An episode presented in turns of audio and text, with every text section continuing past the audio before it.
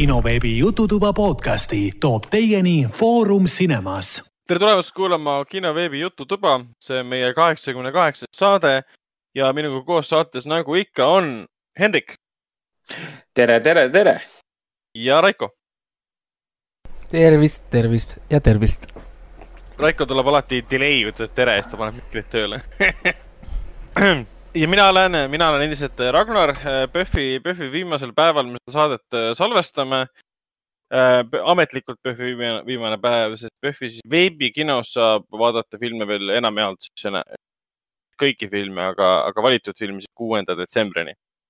no osad on, äh, osad filmid lõppesid veebis ära juba nüüd, nüüd täna, viimasel päeval, ehk siis. osad lõpevad kakskümmend üheksa, osad lõpevad jah ära siis, kui festival lõpeb teiste jaoks on saadud õigused, et saab olla veel kuuenda detsembrini. seal on päris palju head kraami, et see PÖFFi võidufilm, millest me räägime natuke hiljem ka, mis tegelikult võitsid, on ka olemas veebis, seda saab ka kuuenda detsembrini vaadata. aga enne kui me PÖFFist räägime pikemalt ja laiemalt, räägime filmidest ja seriaalidest, mis me oleme vahepeal siin kahe podcast'i vahepeal kodus vaadanud ja alustame, alustame muidugi Raikost, kes kindlasti PÖFFist kohe ei räägi, aga, aga mainib ära kõik muud asjad ja ei, ma PÖFFist ei räägi ja ma panin äh, kirja sinna lihtsalt, mul oli veider nädal, kus ma vaatasin siis kolm filmi, kus ühel või teisel põhjusel lapsed muudkui surevad. mis oli nagu niisugune veider äh,, veider valik ja enamus nendest filmidest olid PÖFFile, mis ei ole üldse üllatav, seal on filmikud, lapsed surevad ja lastega tehakse midagi. no see on, see on, äh, see on nagu shortcut jah, inimeste nii-öelda südamesse, südametesse või siis loomade see..., loomadega on siis teine niisugune shortcut. jah, et kuskilt ma sai, lugesin ka, üks Eesti filmikriitik tegi maha ühte Eesti, tähendab selle PÖFFil linastunud filmi, oli vist Süstlapargi laps, kui ma ei eksi, see oli Saksa äh, Goethe instituudi programmis või ta oli Justfilmi programmis. ta tegi maha seal seda, et seal ta oli Justfilmi programmis. ja täpselt, äh, tegi maha seal seda, et seal kasutati ikka koera või siis koera kutsikat, et tema piinamist, et saada vaata atraktsiooni, emotsiooni. et üldse see ei meeldinud, et saage üle, et nagu selles mõttes filmi pealkiri on Süstlapargi eh, laps. see on nagu kurb emotsionaalne, sul ei ole vaja koera rohkem piinata enam, et sul on juba eh, narkomaania teemas sees, et aitab no, küll. Nad panevad ikka no. jah, et üks kutsikas ette, e-, ette-taha, et noh, ikka. nojah, ütleme maailma parimad filmid on ikkagi koerte, koerte piinamisega, olgem ausad no nagu, nagu näiteks uh, Will Smithi see I am, äh, mina olen legend. ja kõige emotsionaalsem koht. koer löödi maha ja kohe in, insta klassika. ja Will Smith äh, kegistas oma koera surnuks, kui ta muutus zombikoeraks. see oli, ma kinos nutsin teda vaadata. nii see käib. eks ja, ma pean, kui, kui mul koer kunagi muutub ka zombikoeraks, ma siis teen sedasama um,. jaa ma loodan, et mitte aga põhimõtteliselt ma siis, äh, need PÖFFi filmid ma jätan äh, korraks äh, kõrvale, aga ma vaatasin mm -hmm. Netflixis tuli vahepeal siin uus animatsioon, If anything happens uh,, mis see nimi oli, If anything happens, I love you mm. -hmm. see on väga niisugune um,, no esiteks on lühike, ta oli mingi viisteist minutit ainult äkki. keegi ei räägi mitte ühtegi sõna, need on selles mõttes äh, niisugune animatsioon, kus noh, kõik tehakse nagu sümboolselt või noh, nagu antakse sulle siis nagu pildi abil edasi mm. -hmm. ja noh, algab sellega, kus siis mees ja naine söövad äh, õhtusööki ja üksteisest on nad väga-väga, väga visuaalselt näitavad, mis mulle meeldis, oli see, et äh, kui naine vaatab, vaatab meest või mees vaatab nagu naist, siis see laud ainult pikeneb. ehk siis mm -hmm. nad mhm. lähevad üksteisest järjest kaugemale, onju noh, siin on niisuguseid erinevaid niisuguseid hästi kihvte niisuguseid sümboleid, kuidas siis antakse edasi, et äh, midagi on nende vahel äh, katki. mees ja äh, naine laua taga söövad. no ja, et äh, põhimõtteliselt jah, et neil on äh, põhimõtteliselt jah, nende vahel on mingi nagu probleem ja siis me hakkame vaikselt saama nagu seda nagu tausta story't, kus siis naine näeb äh, üks õhtu, põhimõtteliselt, põhimõtteliselt on niimoodi, et naine, naine näeb üks õhtu, et äh, lapse toauks on lahti, läheb sinna tuppa sisse ja siis me saame aru, et laps on kuidagi surma saanud. ja siis me saame niisuguse flashback või niisuguse nagu tagasivaatega nagu segamini niisuguse nagu hästi kihvtilt animeeritud asja loo, mis põhimõtteliselt räägib sellest, et äh, laps läks kooli ja koolis toimus tulistamine. aa, okei. Okay.. ja nad jäid oma lapsest nagu ilma. Aga ma soovitan seda vaadata, sest ah,, sest okay, äh, tal on hästi kihvt visuaalne stiil ja, ja nad ei, nad ei räägi mitte ühtegi sõna, keegi ei räägi mitte midagi, keegi ei kirjuta mitte midagi. kõik tehakse ära ainult nagu pildiga, mis on tegelikult hästi aa, lühi, lühi, lühifilm ju? jaa, ma mõtlesin, ma ütlesin, et tal on mingi viisteist minutit mm. äkki või, või midagi niisugust oli. muusika on muidugi võimas ähm,, et päris, päris hästi nagu reageerib, noh muidugi me vaatasime koos seda naisega, naisel oli silm märg, aga noh, äh, see ei ole muidugi kahik-, mõõdupuu, sest tal on silm alati märg iga, ma ei tea, asja peale, ehk siis seda ei tasu nagu võtta, et, et see on nagu kvaliteedimärk. Äh, aga ei, aga see on tegelikult siiski väga äh, hea animatsioon, ma ei tea, miks ma seda muidugi vaatasin, ma lihtsalt tõmbas, pigem lihtsalt tõmbas pilku ja ma mõtlesin, et ma siis vaatan ja, ja, ja mm., ja ma olen rahul, et ma vaatasin. ja muidugi samal ajal tige, et noh Ameerikas või kuskil keegi otsustab kooli minna laskma, on ju, see on muidugi eriti debiilne, aga noh. kahjuks ei ole jah, selles midagi üllatavat muidugi. Nii see eh, elu meil siin eh, käib. siis eh, Netflixis ma vaata, hakkasin vaatama kahte asja Until Dawn, hakkasin vaatama ainult selle nime pärast. Kui keegi ei tea, siis Playstationi peal ma ei tea, viis aastat tagasi, circa midagi sellist ilmus videomäng Until Dawn. Siis ma, mul lootsin, et äkki on midagi sarnast, aga tegelikult see on ainult nimi, mis äh, ja midagi muud seal ei ole. Tegelikkus on see, et see on reality tv, kus äh, Prantsusmaal vist oli see, vist oli prantsuse keeles äkki rääkisid seal. Äh,, pannakse kolm koomikut siis ühte äh, pimedasse hirmsasse kohta, vanad lossid, vanad äh, surnuaiad, Prantsus-, Prantsusmaal neid kohti kindlasti jagub. Ja siis äh, antakse neile erinevaid ülesandeid, mida nad peavad kõik tegema üksinda, pimedas, noh nagu näiteks mine vanade orbude kodus lastetuppa, pane sinna siis mõni nukk, millel on siis see läheduse sensor ja siis oota vastuseid nende käest, samal ajal proovi äh, suhelda, et miks nad äh,, ma ei tea, keegi enesetappu tegi või midagi ja siis, aga, aga noh, point ongi selles, et nad kõik trollivad üksteist, ehk siis noh ah,. Okay. et need sensorid on võib-olla puldiga käivitatavad või siis nad ise hiilivad seal samal ajal noh, nagu kuskil ligi ja siis ilmutavad üksteist. Et äh, päris igav on, nii et ma soovitan vaadata, nendel endal on kindlasti huvitav ja naljakas, aga minul kui vaatajal ei ole seal mitte midagi selles mõttes nagu noh, mitte midagi nagu selles mõttes ei ole, me ei näe ühtegi mitte midagi üleloomulikku, sest noh, seal ei ole midagi üleloomulikku, on ju.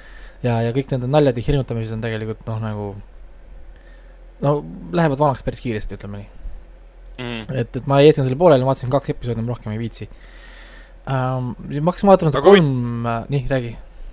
Ma vaatasin, et prantsuse koomikud, prantsuse naljakamad koomikud. jaa, jaa, ei no võib-olla aga... nende jaoks, nende jaoks nad on, aga enamasti on lihtsalt karjuvad ainult, nii et. Äh, aga sul mõni oli tuttav neist ka või?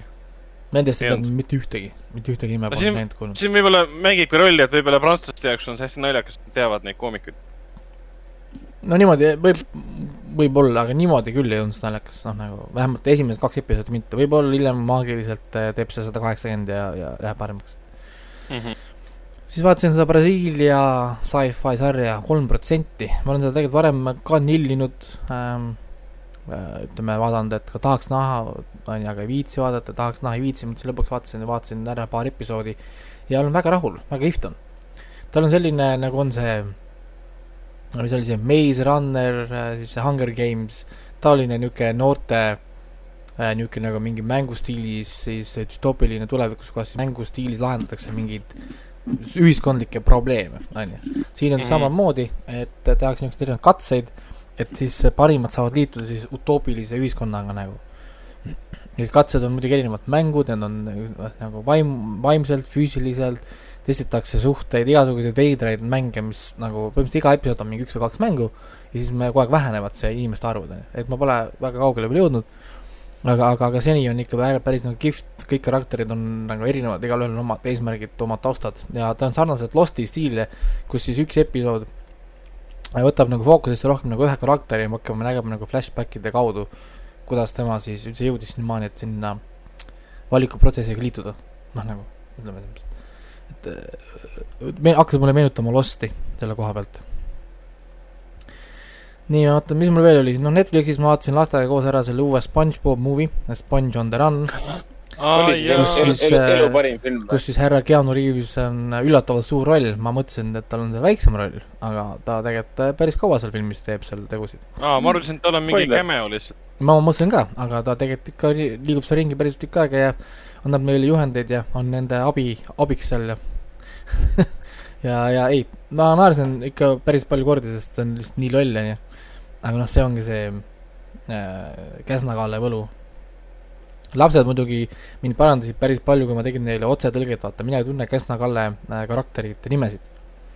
noh, ja siis Aa. mina siis üritasin tõlkida nagu inglise keelest eesti keelde, nad kogu aeg parandasid mind. see ei ole see, see on härra Krabi, see noh, mina ütlesin okei okay, okay.. ei ole mingi, mis ta on, Mr Crab, vaid on yeah. härra Krabi või mis, mis see Squidward oli, mis eesti keeles? Kalmaari Kalmer. Kalmaari Kalmer jah, vot jah. Kalmaari Kalmer jah, jah, me, no me vaatasime ka lapsepõlves seda päris palju. no ja siis nemad pidid mind parandama, et umbes, et kuule, et see päris nii käi äh,. siis ma vaatasin ära King Kongi, kolm tundi Monstrum, Peter Jacksoni film. ai, see on hea film see on ja, see on Netflixis olemas, jah? jah, ja, ja, ja, ja CGI no kohe üldse ei kannata enam täna. no sorry, noh. Ära, see, see, see CGI on ainult ühes stseenis, kus need suured äh, dinosaurused. Brontosa-, brontosaurused jooksevad, see on see Wonki. see on see, see päris, päris huumor on see aga seal, kus King Kong võitleb nende dinosaurustega, see on, see on äge, võimas, kuidas ta annab molli nendele lihtsalt suure rusikaga, et see on nagu mm. ja ei, ta, ta see võtab. kohut-, kohutavalt lemmikfilm on see, täiesti fantastiline film, igal ajal, igal ajal vaadatakse seda uuesti. tal on jah, ta võtab sellesse, mis on see, Half, Half Nelsonisse neid seal ja teeb neile viskit seal ja ikka korralik maadleja on see. Jaa, see oli nii pikk segment ka lihtsalt paneb lõuksi türannosaurustele. Ja, ja, ja siis äh, ma, ma ei hakka sellele keskenduma, et inimesed on seda näinud ja, ja see on igalt poolt vaadatav, et lihtsalt kolm tundi ma vaatasin ära, mul ei üldse mis ajast nagu kahju absolu-, absoluutselt, lihtsalt äh, vahepeal tekitas küsimusi seal, et noh, näiteks see, et ma olen vaadanud tund kolmkümmend filmi ja nad jõuavad, jõuavad alles saare peale, et hmm, noh. Ja see ei ole ju mingi nii. et kogu see müstika ülesehitus oli väga äge seal ja karakterid olid ägedad ja pandi paika, kes on see režissöör, kes on see näitleja, mis need suhted seal omavahel on ja kõik see. väga hea, ühe, üheksakümmend minutit selle jaoks, et saare peale jõuda. noh. Character development on lihtsalt pool filmi. aga samas mulle nii meeldis selle filmi puhul see mingi, see, on romantiline filmi tegemine, et nagu Jackson läks täiega sinna oma peas, läks nagu mindset'is, läks sinna kuskile kolmekümnendatesse, et noh, ma nüüd teen värvilise filmi kolmekümnendate New Yorgist ja siis ta oli nii sildas sellest, iga väike asi oli mingi niimoodi, siis kui see Ann esimest korda sinna laeva peale läks, see moment astus jala kingaga sinna selle silla, laeva silla peale, siis ka tohutu suureks momendiks tehtud see. et iga väike liigutus võib nalja teha, kestis liiga kaua. Et noh, me saame aru, see on suur samm tema jaoks, jah, literally suur samm, suur king. Mm.. et noh, mine nüüd edasi. Ah.. kolm tundi on ikka päris, päris hea kest-, kest-, kestus tegelikult. Aga noh, ma, tüüp tegi ju selles mõttes ise ta just ära ja siis ta mõtleski, et kuidas korralikult ennast ventileerida. ei, aga selles mõttes ta ei, see ei tundu tegelikult kolmetunnine film, et see on nagu see, et noh, sa võid ära vaadata yeah., ta tundub mingi kahetunnine film ilmselt. Ta ei tundu nii pikk sellepärast, et pool filmi lihtsalt see, kuidas King Kong annab äh, dinosaurustele peksa ja siis on äh, action, mis on lahe. pluss seal on kõige õudsem see putukate tseen, kus nad kukuvad sinna kuskile lõhesse maa alla. Yeah just niisugune imelik eh, helistik on sinna loodud, vaikselt tõuseb mingi heli, sa kuuled nende putukate hääli, üks hakkas inema kellegi pead otsast, käsi otsast, peksavad neid mingisuguseid sipelgaid käte ja eh, kaela peale, selline. see on siiamaani kõige õudsem asi, mis ma elus näinud olen ja ma olen Terve filmi näinud. jah. see pole õudne, see on lihtsalt, see on lihtsalt šokeeriv. nii äh,. nii, ah, Netflixist veel, ma vaatasin ära Escape Room ah,. tükk aega, nüüd... tükk aega mulle surutud peale, Netflix on seda meile mingi, ma ei tea, kui mitu korda soovitanud seal üles-alla, vasakule-paremale. Mhm. see oli äh... eelmise aasta jaanuari film. aa ah, jaa, jaa, jaa, tuleb meelde. ja lõpuks Nii. Äh, võtsin vastu, et olgu, ma siis äh, vaatan ja mulle väga meeldis see film et ta on ikkagi väga klassikaline Cube äh, meets mingisugune, ma ei tea isegi, mis film. aga, aga täpselt nii nagu ette kujutadki, escape room, hunnik tegelasi peab ühest ruumist teise minema ja kui nad ei tee, siis nad saavad, saavad surma ja nagu päriselt saavad surma. Ongi nagu kogu nagu story ja muud ei olegi siin. film algab nii, film lõpeb nii, lõpeb nii. ja sina lihtsalt naudid seda action'it ja neid veidraid äh, eriti mingeid üle mõistuse keerulisi ruume, mis on siis nende jaoks eh, disainitud. muidugi noh, ma, mind rohkem huvitaks nagu behind the scenes, et kes disainis need lõksud ja kuidas nad ehitasid neid lõkse aga ei, ta on, ta on, ta on, ta on verine, inimesed surevad äh,, nii et äh, selles mõttes niisugune, niisugune mõnus, ta ei olnud väga pikk ka, suht lühike film oli tegelikult, nii et äh, saate rahulikult istuda üks õhtu ja niisuguse äh, sobib väga hästi samasse õhtusse, kus sul oleks näiteks Final Destination ja Cube, Cube võiks panna ka vabalt siis selle äh, Escape Room sinnasamasse äh, nii-öelda nagu listi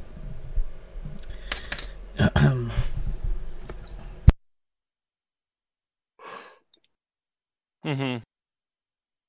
vot, aga ei, selles mõttes me ühte Escape Room'i filmi vaatasime ka, vaata. Äh, paar saadet tagasi rääkisime sellest, mis see Escape Room oli, kus nad läksid Venemaale? aa, see, mis Eesti kinodes jooksis ka, see Follow, Follow Me. Follow Me, see oli mingist Instagrami, mis iganes influencer'ist. see ja, oli see... okei okay film. ei no selles mõttes, et, et see ma ei ole seda Follow Me'd küll näinud, aga ma ei tahaks uskuda, et nad äkki kukuvad äkki sinnasamasse äh,, sinnasamasse kategooriasse. niisugune ühe õhtu mõnus niisugune entertainment. nojah, põhimõtteliselt õõduka õhtufilm nii-öelda. aga selle Escape Room'i kohta ma olen muidu ka kuulnud päris palju, ka kõige, kõige suuremad mu sõprade hulgas, kõige suurem kriitika ütleb, et kuule, see oli päris okei okay, nagu film nagu. ma olin jumala üllatunud. oli, selles mõttes, et oli pluss on see, et ta on tohutult tempokas, on ju, sa ei jõua nagu väga keskenduda vigadele. Film läheb kohe edasi, noh, nagu ta lihtsalt nagu noh, ja siin ei saa väga palju vigu teha ka, selles mõttes, et ta on nagu väga lihtne ülesehitus. põhi, põhjus, miks inimestele see Cube on ju meeldib, see Hypercube või whatever see Cube seeriast on ju. Need on kõik ja... niisugused, need on kõik niisugused väga lihtsad ülesehitustega filmid tegelikult, noh, sa ei saa ju väga noh, millega sa saad väga mööda panna, noh. idee on ju väga lihtne, kas sa lähed edasi või sa sured no.. jah, see Cube'i, Cube'i filmi olemus seisneb täpselt samas asjas, nad lähevad läbi kuubikute ja seal on lõksud eh,. kõik. on kõik ja, ja film algab nii ja film lõpeb nii. seal lõpus oli muidugi mingi suur ulmeline, äh, ma mäletan, pööre, et nad on osa mingi miljonitest kuubikut kuskil mis iganes maailmas, aga see polnud üldse oluline. selle, selle tehti mingi viis järgi, aga keegi pole neid vaadanud. Mina vaatasin kolm, kolm ma vaatasin selle Cube ära, mis oli esimene, vaatasin ära Hypercube, mis on siis teine osa ja vaatasin ära Cube Zero, mis on proloog. ehk siis me näeme, kuskohast tuleb selle esimese Cube'i see autistlik samant sinna. kuidas ja, tema, tema sinna kuupikusse sattus sest tema oli täitsa erinev ja nii edasi, ma ei rohkem spoili teile, kui tahate vaadata, siis tehke see, vähemalt see triloogia ring tehke ära. ignoreerige neid veidraid third party, mis whatever filmid need olid, mis äh, väidetavalt on samas seerias, aga tegelikult vist ei ole. nii.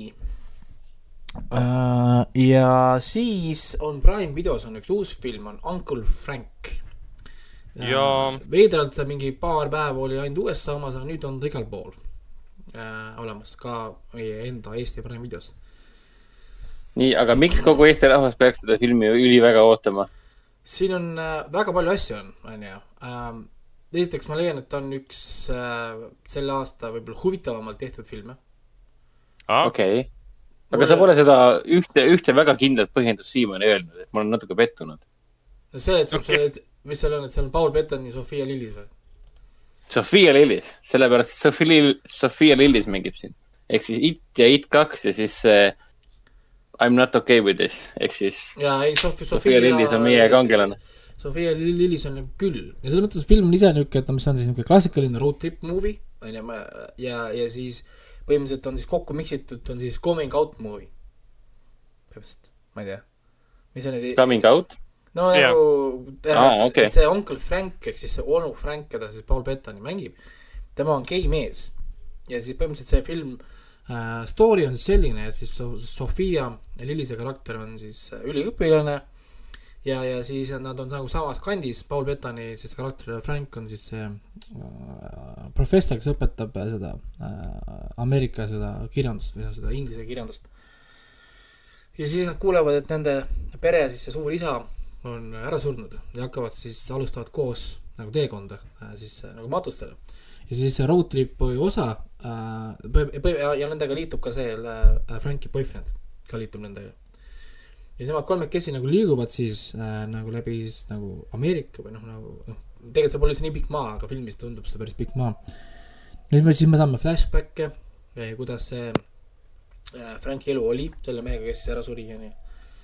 ja, ja lõpuks siis on see, noh, matused ise ja siis on seal paar suurt reviili, väga emotsionaalset reviili, väga vastikut reviili. see film oli kindlasti äh, ütleme, kerge, kerge vaatamine ja ma usun, et ta ongi disainitud sellisena. noh, nagu ette peale on kerge äh, vaataja noh, nagu see kerge vaatamine. lisaks äh, lavastaja on Alan, Alan Paul, kui kedagi äh, huvitab, siis see on mees, kes tegi ju Six Feet Under. aa, selle seriaali looja või?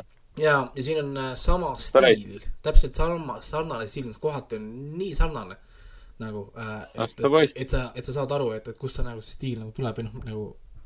Issand, ta oli True Bloodi looja ka veel et mees on, mees on teinud tegusid, onju oh,. jaa, see on kaks väga suurt tegu elu jooksul, jaa siis. pluss ta oli veel American Beauty produtsent-stsenarist. noh, näed, mees on, mees on siin noh, töökas wow., töökas olnud ja, ja siin filmis on siis tema enda kirjutatud, see on tema enda äh, lavastatud. oli vist, ma korra vaatan. Jah, tema enda äh, story ja tema enda siis äh, lavastus nagu ja noh, siin on filmis on tegelikult nii, nii palju asju nagu, selles mõttes, et siin on noh, ütleme keskmine, ütleme esimene suur miinus minu jaoks oli see, et, et, et teie keskmine osa või see teine äkt on ju, see on, venib.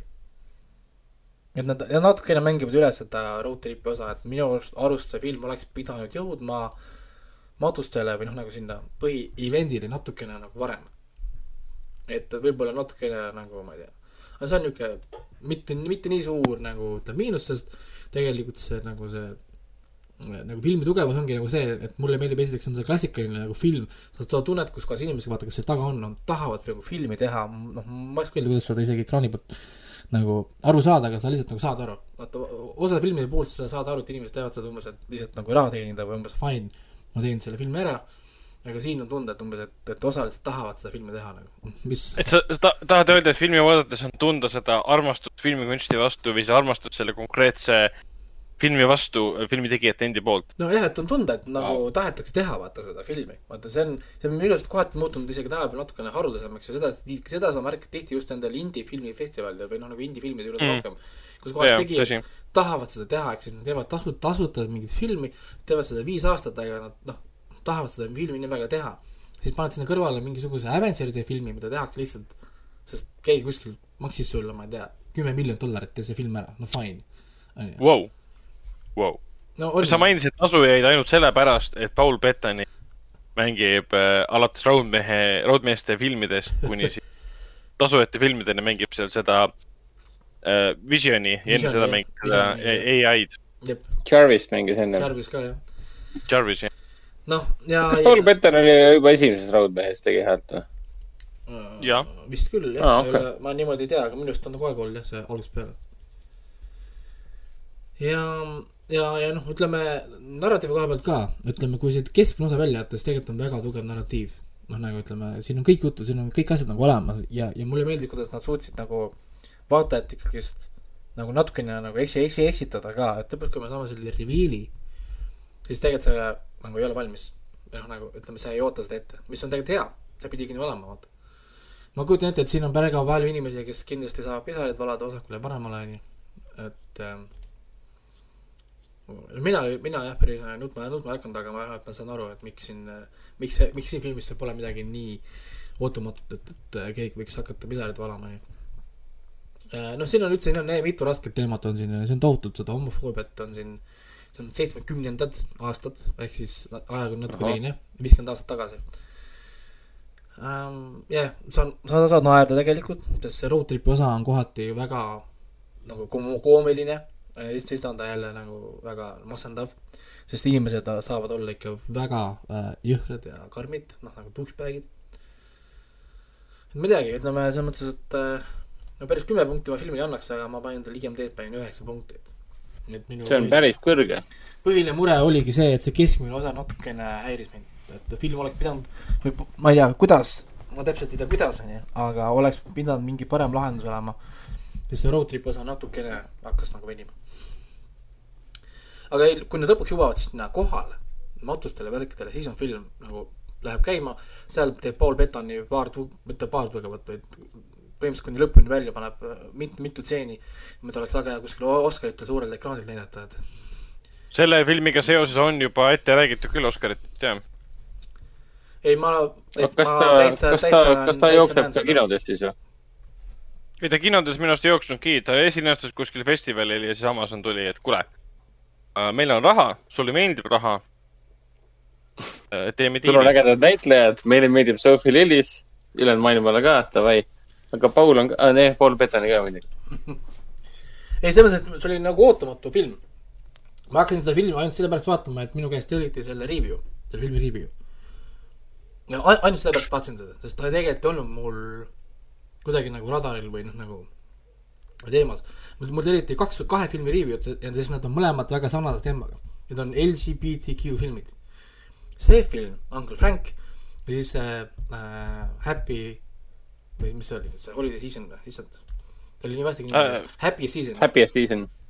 Need kaks filmi on sarnased, ma poleks kumbagi vaadanud, kui neid poleks nagu tellitud, noh nagu olnud. ja mulle mõlemal juhul, mõlemal puhul olen õnnelik, et ma neid vaatasin Äh, nüüd ma räägin siis teisest filmist, mis on Hulu peal. Hulu spetsial, et kui inimesed mõtlevad, kuidas Hulut vaadata, siis äh, peate olema nagu mina, omama Ameerika panga, pangakontosid ja, ja muid ime Ameerika vidinaid. aga äh, tõenäoliselt see ilmub siiakanti ka mingi hetk kunagi.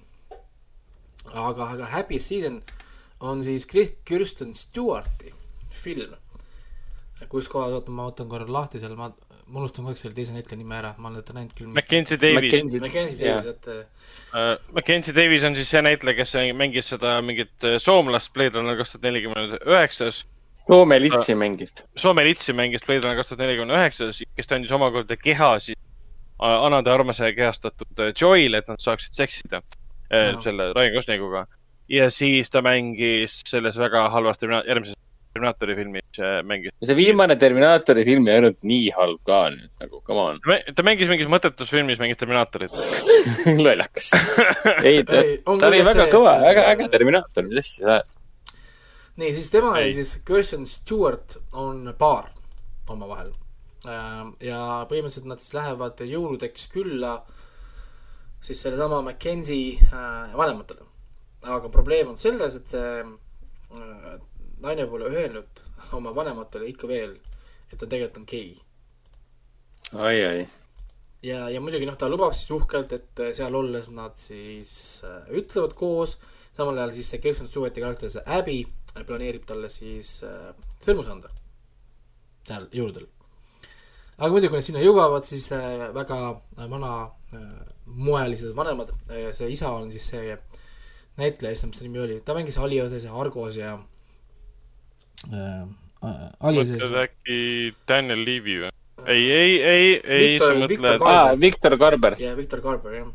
ah, jah, kes mängis äh, selle, jah, Aliases tema isa, selle peategelase isa. Jennifer Garneri papa.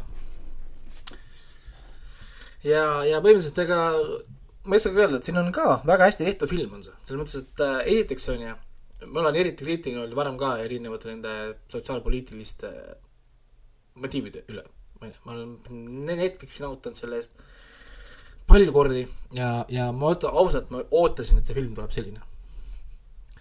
ma, ja kui esimesel mingi või mingi teisel või kolmandal minutil see film viskas sisse, oo, see Patriarki onju, ma ütlesin, oh my god, hakkab pihta, onju. hakkab, ma saan siin poolteist tundi mingit loengut, kuidas valge mees on paha bla, bla, blablabla, heteroseksuaalsed on blablabla bla,, ma kujutan ette, et see tuleb selline. aga ei tulnud ei tulnud ja nad kordagi ei teinud seda niisugust äh, noh, mis on selline, mida osad filmid teevad või noh, nagu see, noh, see Netflixi Charmed oli, mis oh, oh my god. Charmed, aa. kus nad võtavad selle äh, niisuguse nagu moraalse üleoleku ja süüdistavad nagu vaatajat umbes, et vaataja on halb. No saad aru, et, et, et umbes, et, et see on seda nad ei teinud kordagi, nad lihtsalt võtsid story, lihtsalt tegid karakterid ja panid need lihtsalt erinevatesse situatsioonidesse. üldiselt noh, nagu ja nad ei mänginud seda üle ma räägin, mulle nii nagu meeldis see, et see film tundus niisugune nagu värske, selles mõttes, et kuigi jah, me oleme tegelikult näinud neid ju erinevaid neid pühade filme ju nii palju kordi, siis see tundus yes, no aast-, aastast aastasse on kogu aeg ühesugused filmid olnud yeah,. Yeah. eelmine aasta oli nagu... see Last Christmas, see oli. jaa, see George Michaeli ja Whammy muusikaga. jah, no niisuguseid filme Emilia Clarke'i ja tuleb ju Henry palju, Golding. jah, neid tuleb palju, on ju, ja noh, aga see tundub värske, see film. on ju, lisaks siin on üllatavalt emotsionaalne on ka see film. ma nagu ootasin natuke rohkem, et siin on noh, pöörded on ju siia-sinna, noh, sellega see, et me teame neid pöörde ette, et mingi hetk, mingi hetk vanemad saavad teada, et noh, ta on gei, on ju, ja nii edasi. kuidas see kõik nagu ennast välja mängib ja, ja väga hea film, väga hea date night äh, film, kui äh, soovite, otsite naise ja mehega koos midagi vaadata, siis see oleks väga hea film jälle, mida nagu vaadata. kõlab hästi. ei on, ma olin See-, ma olin äh, rahul, selles mõttes, et ma nagu ootasin, vaata, ja muidugi jälle see oli hea, hea niisugune õppetund endale ka jälle, et lasin veitsa nagu oma sellel eelarvamusel dikteerida võib-olla, sest ma poleks seda filmi muidu vaadanud, absoluutselt, sellepärast et ma juba nägin, et see on mingi LGBTQ film, ma ei viitsi. ehk siis meeldetuletus on meie värkus endale tulevikuks, et vaata ikka, on ju, või noh, nagu vähemalt äh, anna Jaa. yeah., vähemalt tuleb anda võimalused. alati ei maksa kohe nagu sinna vaiba alla lükata nagu seda ebavajalikku tolmu. et ma vaatasin, et filmi režissööriks on Clea Duval. ja on. ma vaatasin tema, ma vaatasin tema nägu ja mõtlesin, et ma tean teda, ma olen teda mustmiljonis, mustmiljonis erinevas filmis ja seriaalis näinud reaalselt. ja kui ma ei eksi, siis see on vist tal nüüd täitsa, põhimõtteliselt esimene täispikk film, mis ta lavastas. Happiest Season siis ta vist ise ki- kirjutas ka selle või? oli vist või? ma ei ole äh,. jah, vist oli küll. ei, ta ise Jah. lavastas siukse filmi nagu The Intervention ka aastal kaks tuhat kuusteist. jah, jah, vot, siis on teine täispikk film. jah, kogu lugu ja kogu story ja kogu stsenaarium on kõik tema sulest tulnud nii-öelda. et väga, väga vinge ausalt öeldes. samas nagu näha ka, et Lea Duval on ju aastaid, aastaid, aastaid, aastaid nagu Hollywoodis tööd teinud. aga kusjuures selle, mulle meeldis toodud selle filmi tagline. This holiday come out and meet the family. et, Come out and meet the family. et, et see on, see on nii täiesti, see on täiesti tavaline lause, aga Jaa. tänu sellele kontekstile see nagu muutub täiesti. mulle Päris nunnu, jah., mulle meeldis, aa, selle eelmise filmi tagline oli ka kihvt ja onkel Franki tagline oli Let's be frank. see on mingi pann, pann, pannid, kes paneb oma kõige parema panni nagu sellel aastal aga mõlemad kui sa vaatad veel filmi ära, siis sa saad aru, kui head tagline'id need tegelikult on.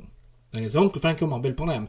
kui sa praegu kuuled seda Let's be frank onju, okei, see on noh, nagu kui sa vaatad filmi ära, siis on aa, okei okay,, kui palju layers tegelikult selles äh, noh, tagline'is on, onju. nii, siis ma jätsin meelega ühe asja viimaseks. no nii, see on jah, niuke nimelt äh, kolmapäev see on, see on asi, see on asi, mida ainult Raiko mõistab. jah, nimelt mul on see, et äh, nagu ma tean neid sõnu. kui me nimelt kolmapäeval tuli äh, NBC streaming platvormi Peacock, see on tasuta streaming platvorm, tegelikult enamus, üheksakümmend protsenti content'i on tasuta. kui te teete selle konto endale, saate vaadata, ma ei tea, mingi kolm kuud või, või mingi üheksakümmend päeva on seal täiesti tasuta, ühesõnaga see on väga niisugune leebete reeglitega platvorm, kus on päris palju content'i, kuid enamus content'ist ei ole siiski eestlastele väga võib-olla vastuvõetav, sest seal on palju uudiseid, seal on ilma channel, kui tahate vaadata ilma, mis on näiteks Floridas täna ilm, siis on hea koht, vaadata. seal on tohutult palju äh, noh, talk show'sid ja asju, mis meie jaoks on nagu ükskõik, aga seal on ka head kraami. jaa, siis seal on Save by the, Save by the Bell remake või noh, nagu reboot siis antud juhul. Kui keegi, kui inimesed mäletavad, siis kaheksakümmend üheksa kuni üheksakümmend kolm aasta jooksis äh, EVTV kanali peal äh, selline asi nagu Päästja koolilill. nime mäletan, aga mina seda kunagi ei vaadanud. EVTV-st hiljem kastas siis välja TV3 või noh, Kanal kolm ja siis TV3 on ju, mille kui viie, viiest saate ära ostis. siis äh, mina ja minu siis kaks vanemat õde olime väga suured fännid, mitte ainult meie muidugi, sest ta oli maailma suur hitt, onju. Kõik need Tiffany Amber Thiessen ja, ja Dustin Diamond, Mario Lopez äh,, Mark Paul Kosselaar ja whatever, kõik need saarikesed tulid, kõik tulid sealt. ja, ja nüüd, kui see tuli, onju, minu, minu õdedega rääkisime omavahel siin Facebooki chatis sellest juba väga pikka aega, kõik uudised me jagasime, kõik videoklipid me jagasime, kõik podcast'id, kõik. ühesõnaga, me olime väga, otsime näppe pulsi peal seal, et seda, et seda saada nagu oodata ja vaadata.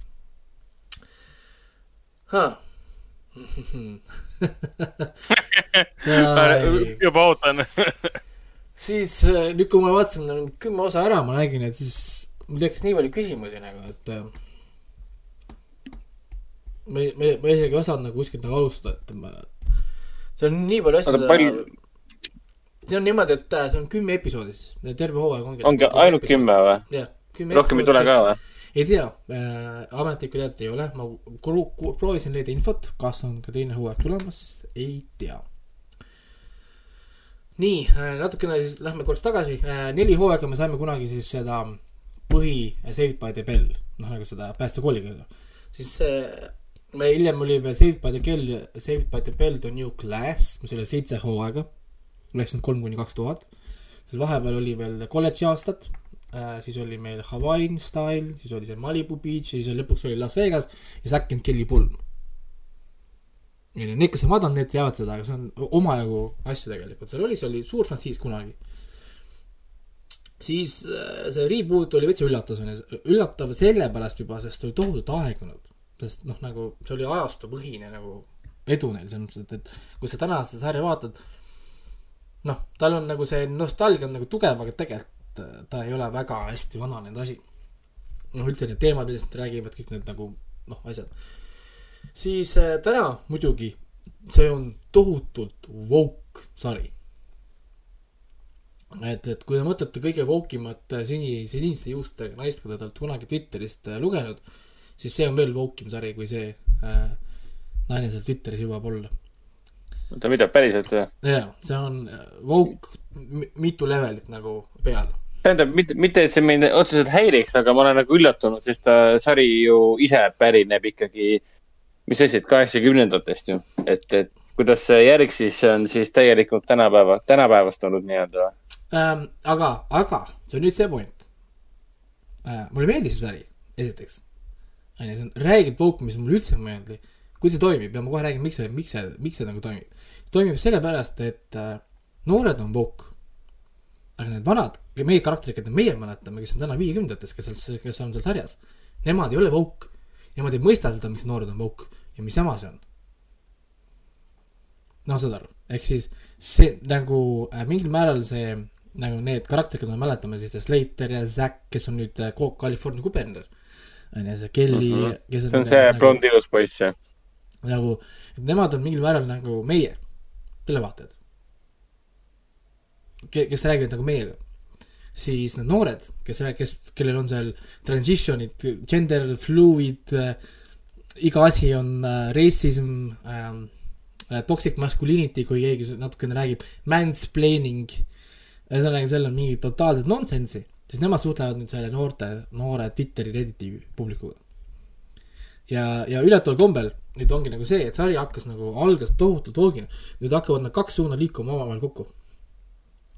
Noored hakkavad äh, mõistma vanemaid, nagu saad aru, liiguvad nagu sisepoole ja vanemad liiguvad nagu noorematele lähemale ja kümnenda osa lõpuks me jõuame juba täitsa nagu normaalsesse situatsiooni. ehk siis nagu see toimis. aga mul on ikkagi endiselt nii, nii palju küsimusi. esiteks on tohutult kiirustatud, onju, ma, noh nüüd muidugi nüüd ma jõudsin natukene küsimustele vastuseid saada. teine küsimus oli, et miks on Zack Morris, kes oli kogu selle sarja nagu nimi, nägu, elu, on ainult kolmes, kolmes e-, episoodis. aa siis selgus, ma sain infot ka teada, oli see, et tal on oma mingi seriaali, seriaal EBC peal. nagu äh,, kust kohast oli keeruline minema saada, sest tema leping ei lubanud äh, konkureerivatele nendele äh, kaabeltelevisioonidele tööd teha nagu NBC, sest NBC omab Peacocki onju ja see pidi olema algselt NBC seriaal ja ma saan aru, siis nende see workaround'is oligi mingi skeemiga, et kui sari on Peacocki oma, siis Peacock tehniliselt ei ole network nagu on streaming platvorm ja leping ei räägi mitte midagi streaming platvormist. aga selleks ajaks oli juba enamus sarja valmis, siis Kossalar liikus kui produtsent ja siis sai äh, veel kiiresti filmitud teda kolm episoodi sisse, põhimõtteliselt. nagu mingi selline äh, skeem oli seal. Nii et äh, jah ähm,, noh, ütleme story'st on siis ikka nii palju, et see selles mõttes on täiesti uus story, aga nagu ütlesingi, et see Zack Morrison nüüd ka kuberner, on ju, keda me kõik teame, Slater AC Slater on nüüd siis kehalise kasvatuse õpetaja seal endiselt siis Bayside koolis. Jessica Spano, kes oli ennem suur aktivist ja on nüüd siis kooli see, mis on siis guidance counselor. ma ei tea, mis on siis see eestikeelne vastand ähm,. See on see, meie koolis oli selleks inimeseks, noh. mis on eesti keeles? suuna, suunajuht, suunajuht, aga mingi, mis iganes, mõte on sama, me teame, mis. ja, ja ühesõnaga guidance äh, counselor. Nemad siis seal äh,, Kelly Zack on ikka abielus äh,, nendel on laps, on ju, see nende laps käib seal koolis, see on äh, Mac Morris, kes on kooli kuningas nagu äh, Zack Morris oli siis äh, Jessica on abielus mingi aktivistiga, neil on oma laps, see on Jamie, see käib ka seal koolis, Jamie Spano on jalgpallimeeskonnas, aga rohkem nagu lapsi nendelt ei ole. Nendest originaalsest kuuest karakterist, Dustin Diamond on täiesti puudu, kui keegi, keegi mõtleb, miks see Screechi karakterit ei ole, see on sellepärast, et Dustin Diamond kirjutas kunagi raamatu, paljastades kõik, mida need tegid seal äh, päästekolikelle ta, taga, noh nagu telgi, telgi tagustes kõigi ropustest ja rõvedustest ja origatest ja millest iganes veel. see on, see raamat on kuskil olemas, näiteks samuti ta paljastas ka selle, et kuidas äh, naisfotograafid kasutasid ära noort äh, Mark Borgosselaari ja Slaterit, kes olid tegelikult viieteist, viieteist ja kuueteistaastased poisid. kuidas neil üldse lubati niisuguseid pilte asju teha ja nii edasi. Äh, täna oleks see kõik ju seal pool, pool vangis veel siis nad läksid kõik omavahel tülli, siis Dustin Diamond tegi pornofilmi, viskas selle internetti, istus kinni mm, sest ta äh, kakles kellegagi, pussitas kedagi. Mm.. nii et sellepärast me teda siin sarjas ei näe. Need on kõik väga head põhjused, äh, miks mm. ja kuna põhilised produtsendid on äh, Mario Lopez ja nüüd siis äh, Mark Bargosalar ise, siis muidugi tõe-, tõenäoliselt nad ei taha ka teda sinna võtta, kuigi Dustin Diamond ütles nüüd intervjuus, kui küsiti tema käest selle uue kohta, et tema on nõus tagasi tulema aga, aga noh. et on nõus. jah, ja okay. siin äh, Liisat me küll näeme siin, aga ta on väga väikses rollis ja Liisat me ei näe sellepärast, et ta sai endale diagnoosi, ma ei oska seda haiguse nime öelda. aga põhimõtteliselt on mingi diagnoos, kus ta hakkab äh,, hakkab mäletama oma mälu, mälu kaotama hästi kiiresti, see pole küll, see pole dementsia, see ei ole see Alžeimer, aga mingi muu. aa, see on, see on ikka dementsuse moodi asi siis? jaa, aga tal on mingi muud, muud moodi tüüp ja põhimõtteliselt sama efektiga, eks lõpuks et ta hakkab nagu kaotama mälu. ehk sellepärast ta pole, pole seal sarjas, sest tal on muud probleemid, millega tegeleda. vot, ja kõik ülejäänud neli on olemas, aga igas osas on olemas siis, siis äh, Slater ehk siis Mario Lopez ja Jessica Spano. Zack ja Kelly on nagu natukene siia-sinna ja tagasi on veel mõned tuttavad tegelased, mõned õpetajad on endiselt koolis ja nii edasi, nad mainivad noh, erinevaid asju, seal on mingi flashback'id, asjad, ehk siis no see seos on kõik olemas, nostalgia on olemas äh,, fännid saavad, mida nad saavad. aga peate olema valmis, siin on tohutult vouki. põhiline naiskarakter on tegelikult poiss. ma ei tea, kas tohin täna öeldagi, et ta on poiss, sest nüüd on ta transition poiss, ehk siis ta ennem oli poiss, nüüd on ta tüdruk, aa. Ähm, ja, ja noh äh,, siin on ka muidugi siin sarjas on ka seesama veider loogika, et, et äh, kui äh, keegi on his-, hispaanlane, siis ta ei ole valge, kui keegi on mehhiklane, siis ta pole valge, siis minu, küsimus oli, et kes, mis rass sa oled siis et kui sa, et mis ajast hispaanlased ja mehhiklased ei ole valged, et kus, kus asi see nagu on. noh, nii edasi, et see woke osa mul läheb paremaks, et ma, kõik, kes seda vaatavad ja esimese kahe-kolme osa, osapuhul viskavad selle põõsasse, sest see on liiga woke, siis natuke vaadake, see woke ei ole seal päris niisama, tal on mingi nagu point kirjutajad saavad seda nagu aru ja tegelikult see on nagu sätitud ja, ja kuna see on komöödia ka, siis nad teevadki natuke nagu nalja. ja nalja tegemine tegelikult käib ka sellega, vaata, kui nagu päästekollikal idee kunagi oli nüüd nagu tolleaegset noorte probleeme lahata, siis nad teevad seda ka seal. nuti, nut-, nutiseadmete sõltuvus näiteks, on ju, sellest räägitakse siin ja tehakse niisuguseid nagu teemasid, ehk siis siin käib see nagu läbi on ainult kümme episoodi, ehk siis mul oli väga vähe aega, ütleme, seda noh, nagu lõpuks ikkagi nagu hinnata või vaadata, mis potentsiaal siin nagu on. ja ma natuke kardan, et, et teine hooaeg võib jääda tulemata. veits nagu, nagu sellepärast, et see kriitika on olnud väga negatiivne praegu, kui ma luge-, jõudsin nagu natukene seda lapata tagasisidet. aga vaatajate arvud? Need pole öelnud, nad pole öelnud vaatajate arvus mitte midagi. Ähm, aga tagasiside on olnud negatiivne ja põhiline tagasiside tulebki minuvanustelt ja peale. seesama see vohk mure häirib neid tohutult. aga need minuvanused ja peale on need, kes on tegelikult lõpuks otsustajad, sest noored kahekümneaastased on tegelikult ju noh, jah, onju et ei tea, ma ei tea, mis, mis sellest nagu saab, mina tegelikult tahaks, et teine hooaeg tuleb, sest ma näen, et siin tegelikult äh, on ruumi, nad tegelikult liikusid õiges suunas, lihtsalt aega on nagu no, liiga väheks. Lühikesed kümme episoodi, kakskümmend viis minutit episood, noh, mida sa tegelikult jõuad teha? noh, see on tegelikult natukene üle nelja tunni aega, et tutvustada kuus uut karakterit, näidata vanat kuute karakterit, noh, see on väga vähe aega tegelikult, noh, nagu, et teha midagi nagu nii kvaliteetset, et ei tea Äh, ma tahaks ise küsida palju küsimusi, äh, kelle ideed olid erinevad asjad, miks tehti nii, miks tehti naa, miks lahendati nii. miks, miks näidati, et Bayside'i koolis õppivad õpilased on lollid ja rikkad, kui see varem äh, niimoodi ei olnud, onju. miks Zack Morris on nüüd äkki idioot? ennem oli ta ju väga andekas ja, ja, ja, ja tark no.. et siin on teatud niisugused asjad, mis noh, ma tahaks nagu noh, teada saada, et, et mis nagu juhtus või, või millest need nagu tulid.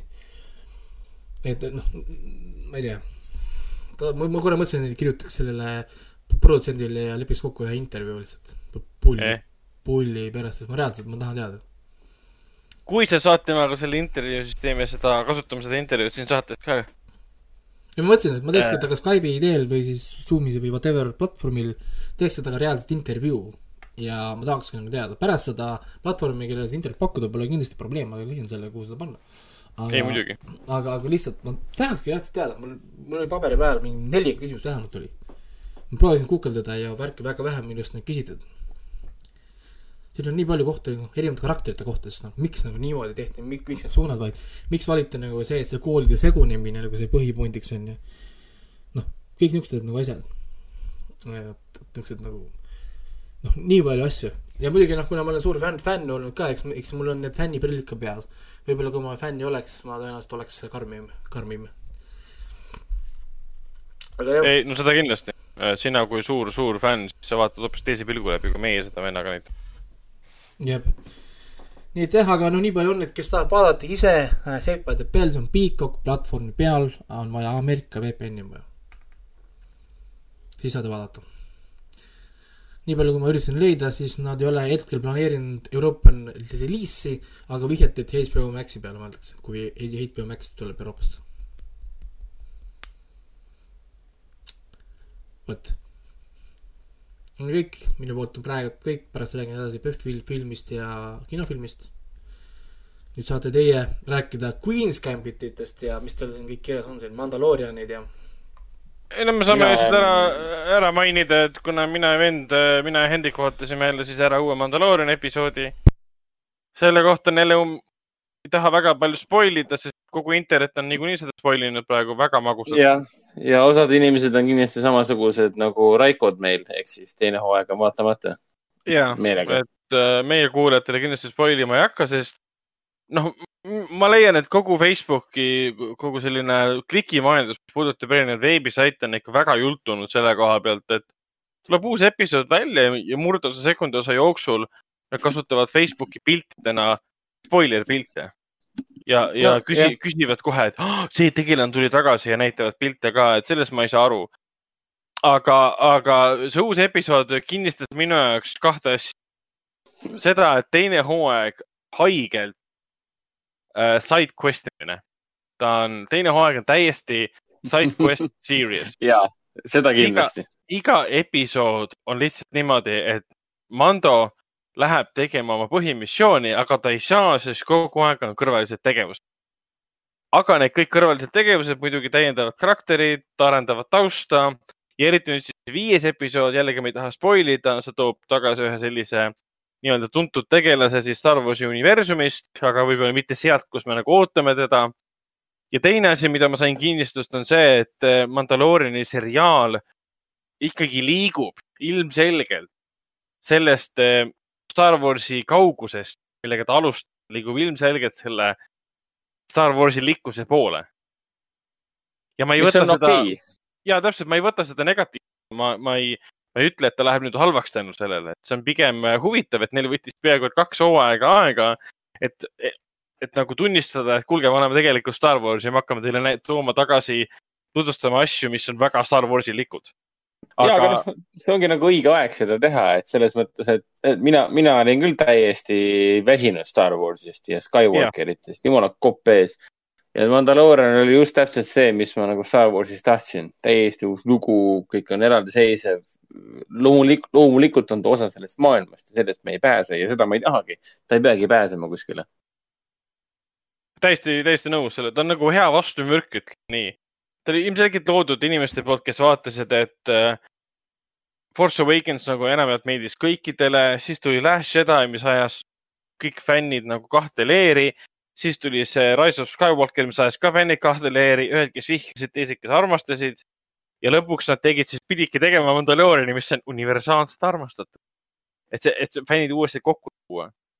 aga, aga see viimane episood jällegi nagu näitab seda, et see Dave Filoni siis ähm, John Favreau, äh, no ilmselgelt on modelleerinud kõik episoodid samurai filmide ja lihtsalt vesterni filmide põhjal ja nende järgi lihtsalt. ja üks kriitik, ma kuskilt lugesin ka, tõi huvitava paralleeli, see viies episood äh, selle Hayao Miyazaki filmiga Princess Mononoke. ja ma hakkasin mõtlema, kurat, on küll jah, see paralleel on tegelikult olemas. mis mõttes Mononokega?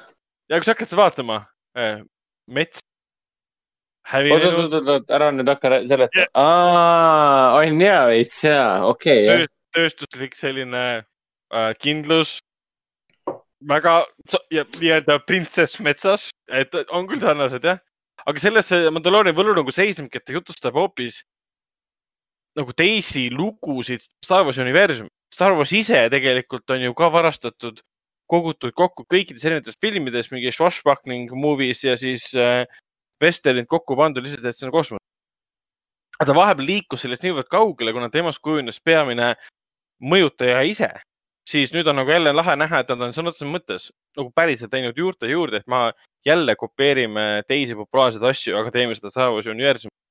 et ta, ta on endiselt sihuke värske, värske tuuleke. on ja see viies osa, noh, taas ma ei väsi, mul on nagu katkine, katkine kell või ma ei tea on täiesti katki läinud selle Mandaloorianiga, kuna ei saa nagu, veel on vara veel rääkida kõigest nii-öelda, kui teine hooaeg läbi saab, siis me võime rääkida siin oma lemmikosadest ja mis iganes veel. aga mm -hmm. no taaskord kogu aeg peab nagu korrutama seda, et eh, kurat, see läheb aina paremaks. kogu aeg läheb aina paremaks. kohe, kohe, kui tekib tunne, et ah, tead, see Mandaloor on aga natuke äkki tüütuks muutunud ja siis tuleb viies osa ja sa vaatad mingi siis sa, sa vaatad episoodi ära mingi, okei okay,, ma lähen nüüd tagasi ja hakkan screenshot ima siin teatavaid stseene ja kaadreid, sest need olid lihtsalt fantastilised. ma lähen vaatan uuesti neid. sest noh, see on taaskord, see on nagu, sa vaatad mingi üliägedalt tehtud stseeni ära. mul oligi viimases osas niimoodi, et vaatasin üliägedat stseeni ära mingi.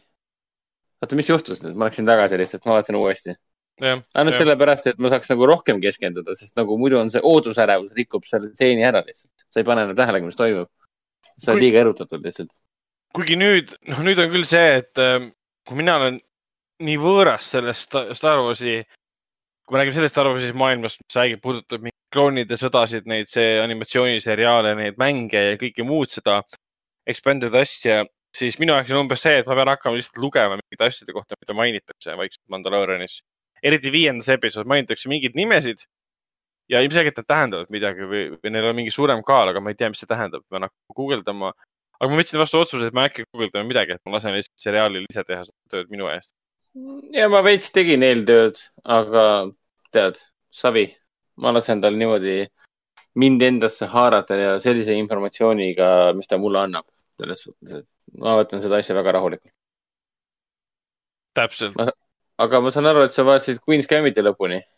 vaatasin Queen's Gambiti lõpuni, eelmises korraga võrreldes oli mul kolm episoodi vaadata. Äh, ma siin Raikole ka vahepeal juba rääkisin, väga hea, selle aasta parim äh, seriaal kindlasti, olgugi et ma ei ole nii palju seriaale vaadanud äh, selle aasta jooksul, aga ma olen häid vaadanud. Nagu Ted Lasso ja midagi kindlasti veel. Ei tule meelde praegu enam aga Queen's Gambit ja, selles mõttes äh, mulle meeldis see, et ta võttis hoo maha äh,.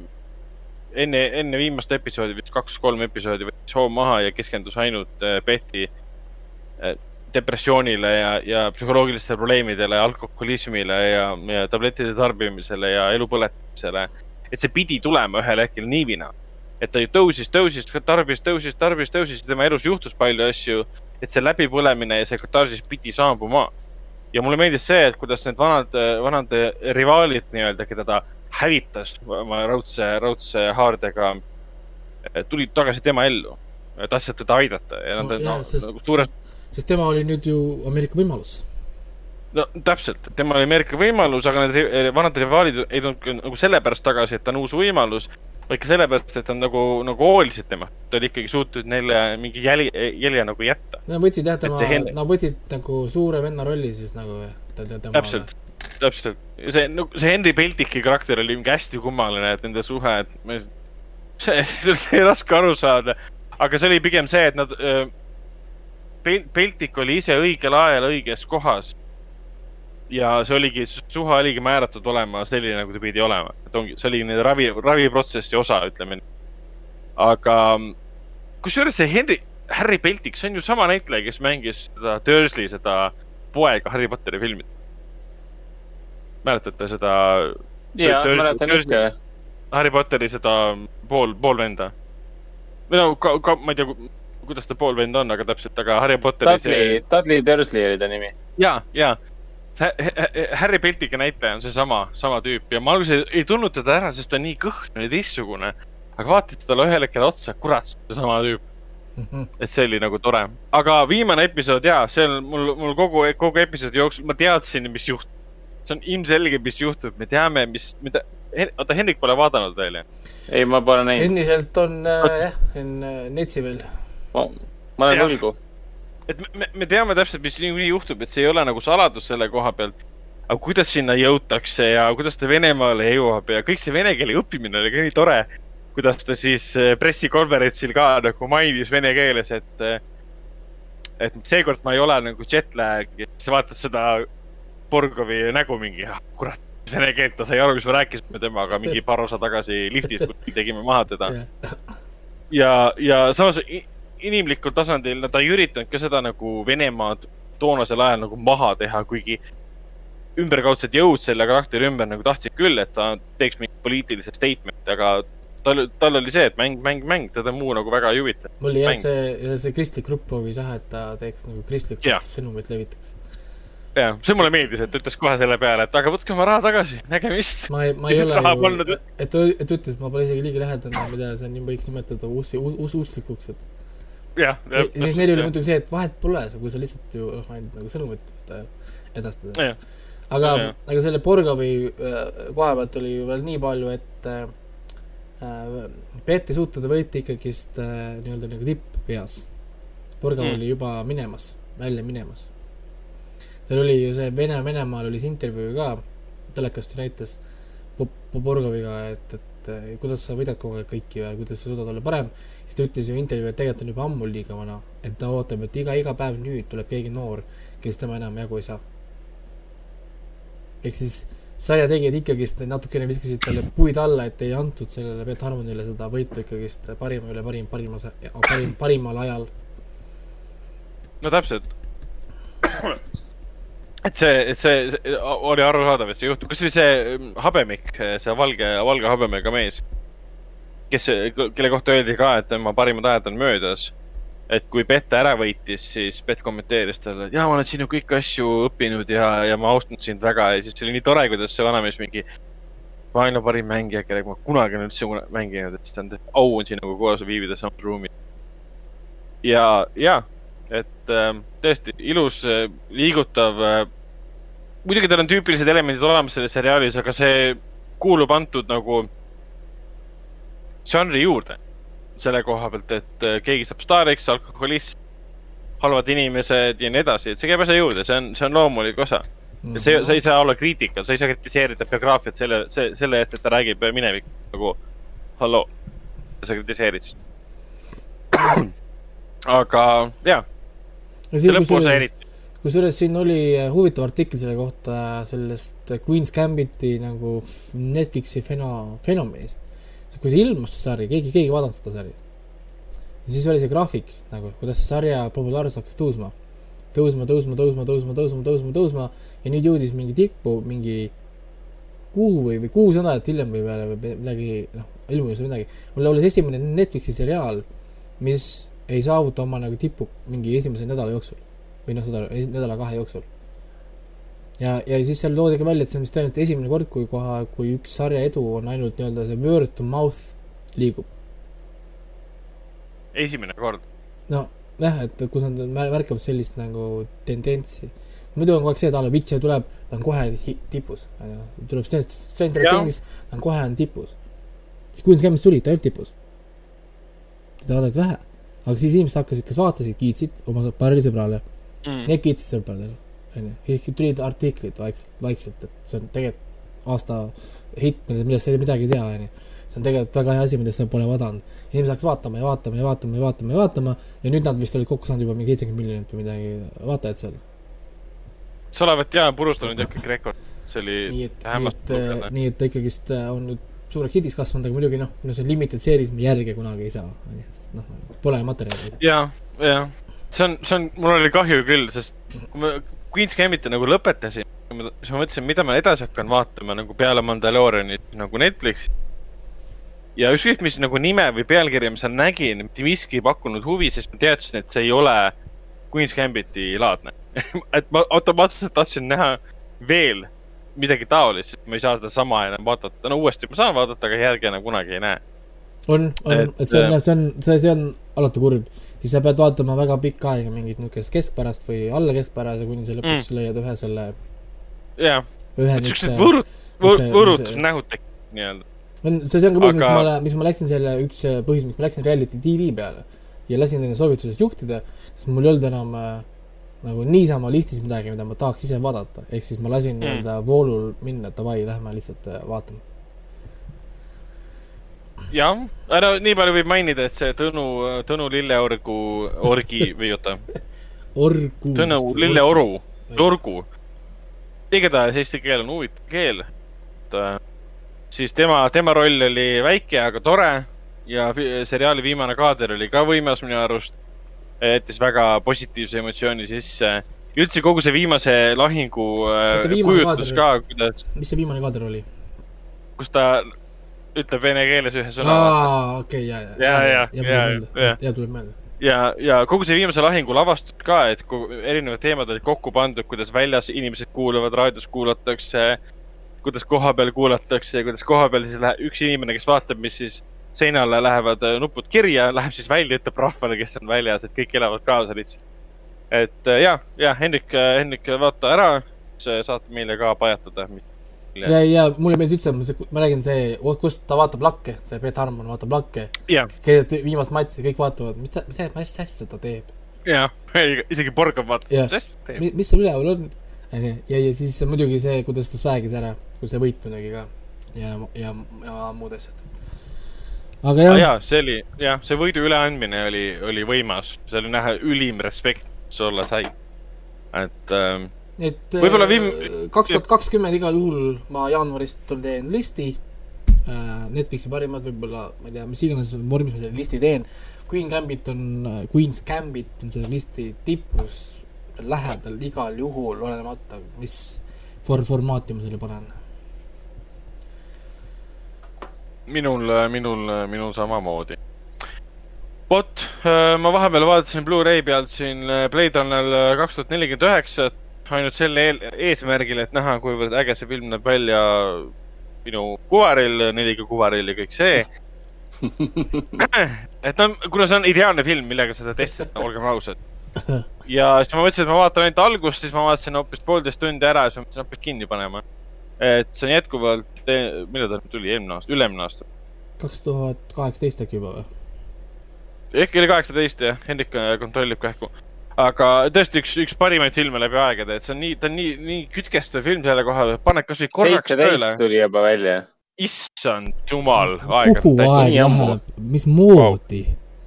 aga alles käisime kinos seda vaatamas. jaa, ma käisin kolm korda kinos wow. vaatamas ja esimest korda vaatasin teda siis kodus ma vaatasin esimest korda teda Netflixist.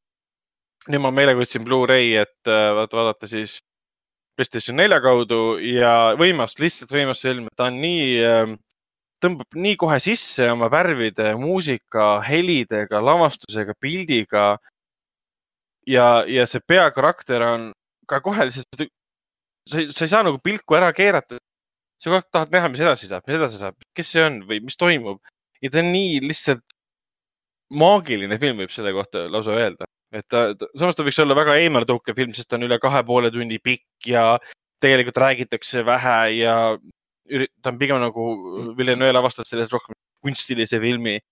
kuna hästi palju on kaadreid, kus keegi lihtsalt kõnnib ja, ja umbes no., kui sa võtad kolmkümmend minutit kaadreid välja, kus inimesed kõnnivad, on palju lühem, et äh, kõiksugused asjad. ja, aga twistid sa... on ju ägedad ja kõik niisugused mm. asjad, et noh. ma tahtsin öelda, et kui sa võtad Hobbitist kõndimise ära, siis sul jääb alles kakskümmend kaks minutit filmida. no ja täpselt et, et, et ja, selles mõttes, kui keegi tahab testida mingit uut kuverit või midagi või uut telekat, siis Blade Runner kaks tuhat nelikümmend üheksa on hea mitte ainult testimiseks, vaid ka selle, selle filmi nautimiseks aga liigume edasi, liigume edasi kino juurde. mainime ära, et siin kahekümne seitsmendal siis novembril alustasid Eesti kinodes, kui me räägime Eesti kinodest, pean silmas antud hetkel siis Foorum Cinemas kinosid. alustas siin Melissa McCarthy uus komöödia äh, Superintelligent in,, intellekt tähendab, superintellekt äh,.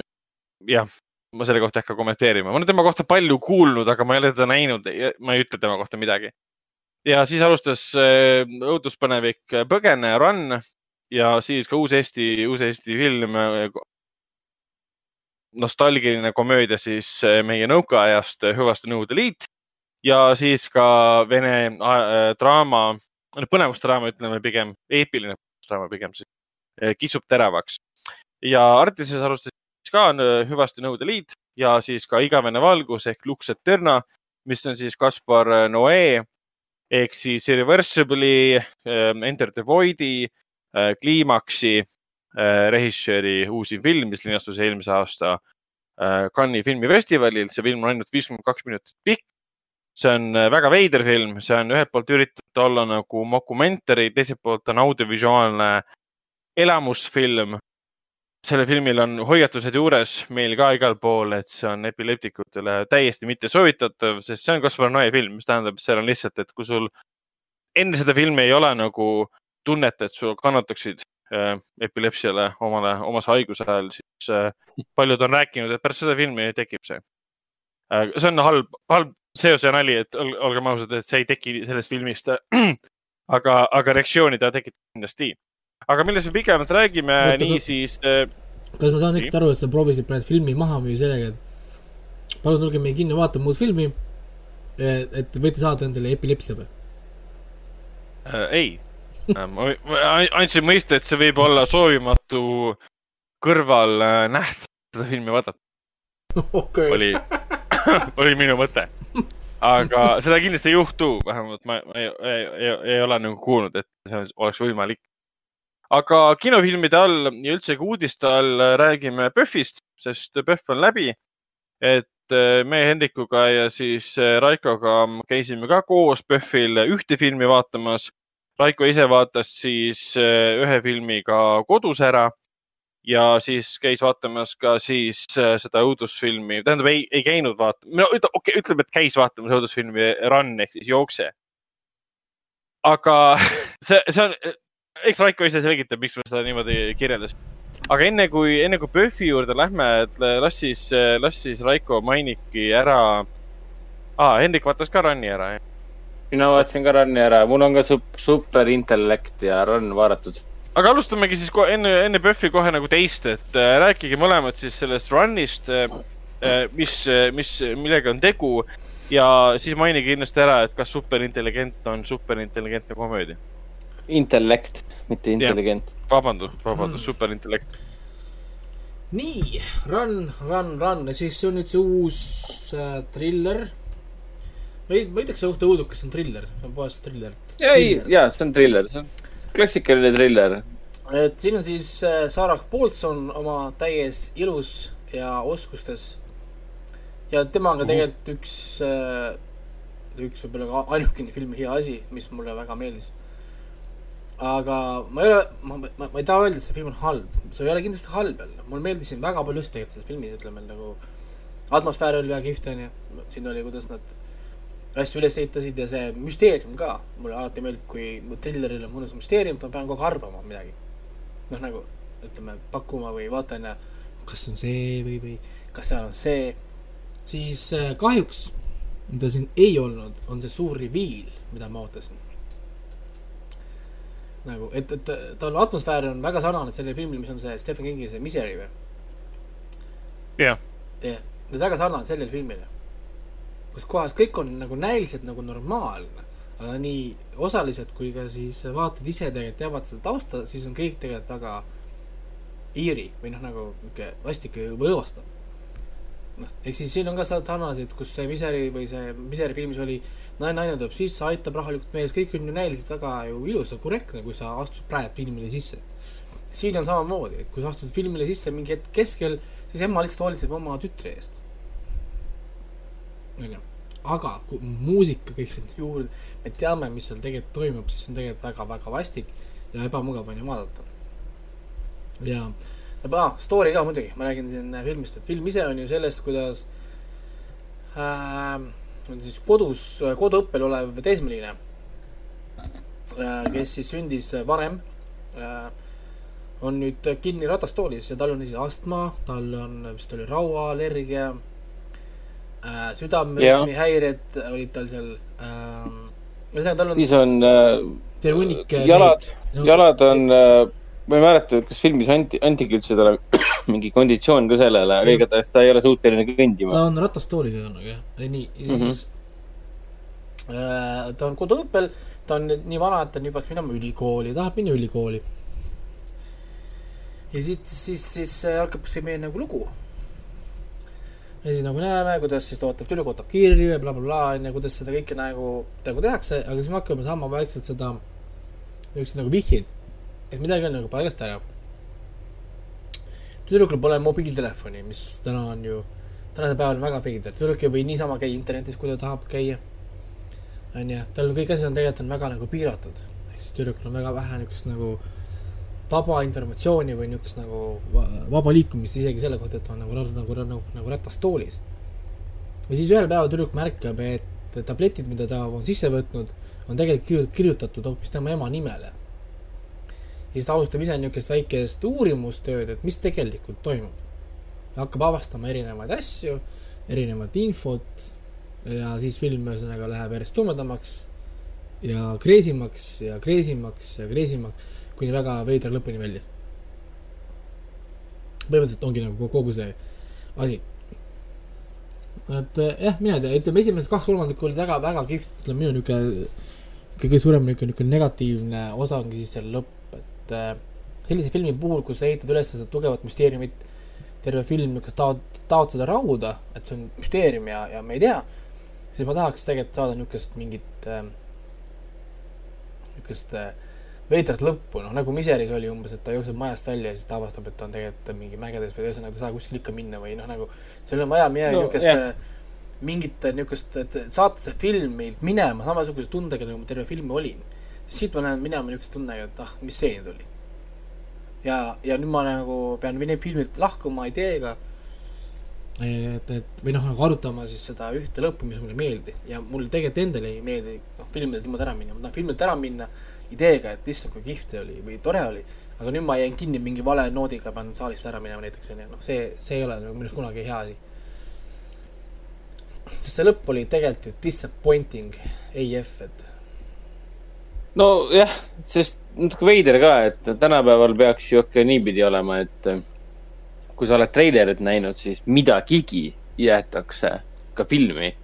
Aga antud juhul, kui sa oled Run'i treilerit näinud, siis sa oled põhimõtteliselt näinud tervet filmi. Aga ainuke asi, mis seda filmi päästab muidugi, no lisaks sellele, et ta on tehniliselt ju väga hästi tehtud. ta on väga head, väga head näitlejad ja see, et ta on selle eh, samade filmitegijate, sama režissöör ka ja, sama stsenarist, kes selle mm, Searching'u tegi, selle John Cho'ga nüüd yeah, juba yeah. päris, päris mitmed aastad tagasi ka. Eh, see oli ka, sai päris populaarseks, see film eh, ja oli tehniliselt ka väga eeskujulikult tehtud, samamoodi on ka Run'iga. aga noh, jah, lihtsalt mul endal oli sama, sama tunne, et kui ma nüüd seansi keskel ära lähen umbes äh, pooleks tunniks, siis ei tea, kas lõpus on midagi teistsugust, kui ma oleksin arvanud või. ja tõenäoliselt poleks mitte midagi juhtunud. et noh, see on üks nendest filmidest, kus sa tuled seansilt ära ja pärast küsid sõbralt, et noh, kas lõpus juhtus niimoodi ja siis ta mingi, kas sa teadsid? jah. et sellest on veits kahju ma oleks nagu, ma väga tahtsin, et ta mulle meeldiks, aga, aga kui ikkagi ei ole no sellist müstikat pakutud oma, oma, noh, müsteeriumit ikka pakutud selle stsenaariumiga, siis on veits kummaline, et miks sellisel kujul see stsenaarium ikkagi kinoekraanile jõudis.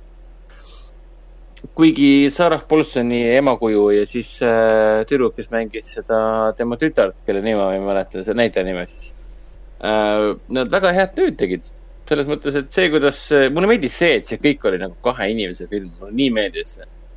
Et on lihtsalt kaks inimest ja kuidas üks inimene lampi, nagu Raiko mainis ennem selle, et ühed ravimid olid kirjutatud äh, hoopis ema, ema, ema nimele ja siis sellest kõik see, see nagu see lumepall hakkas veerema.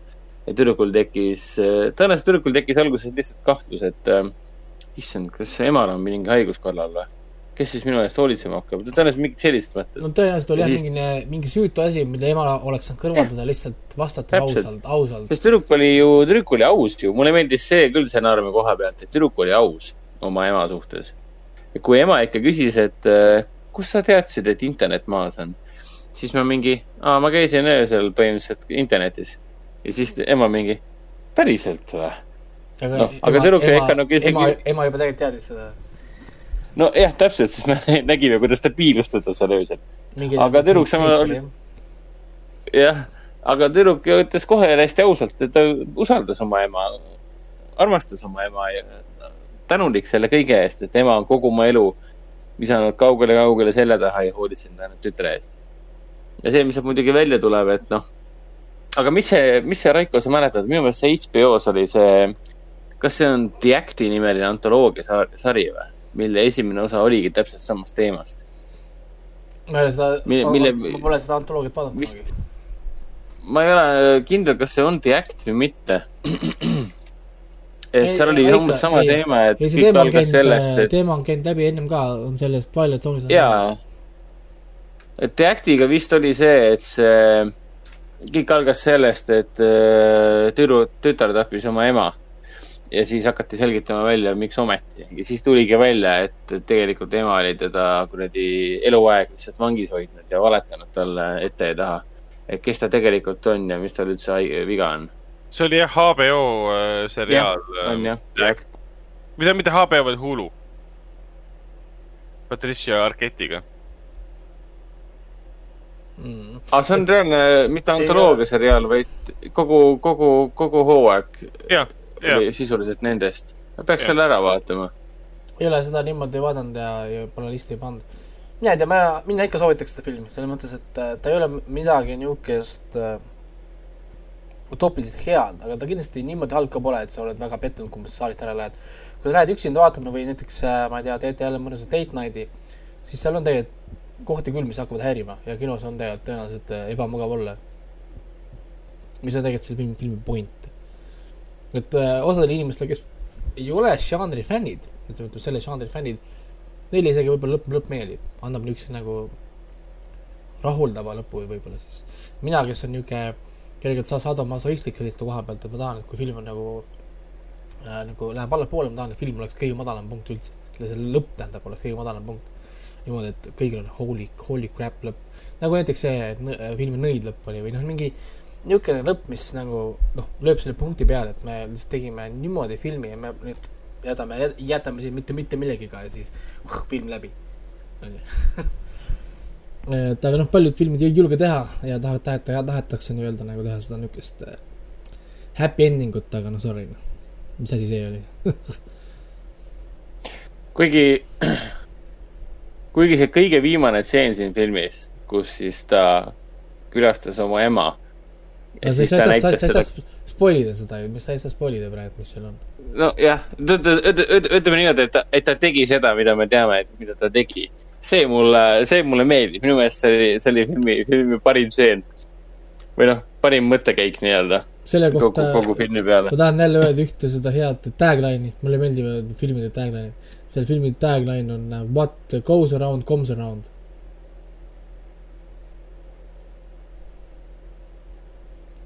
vot, on või?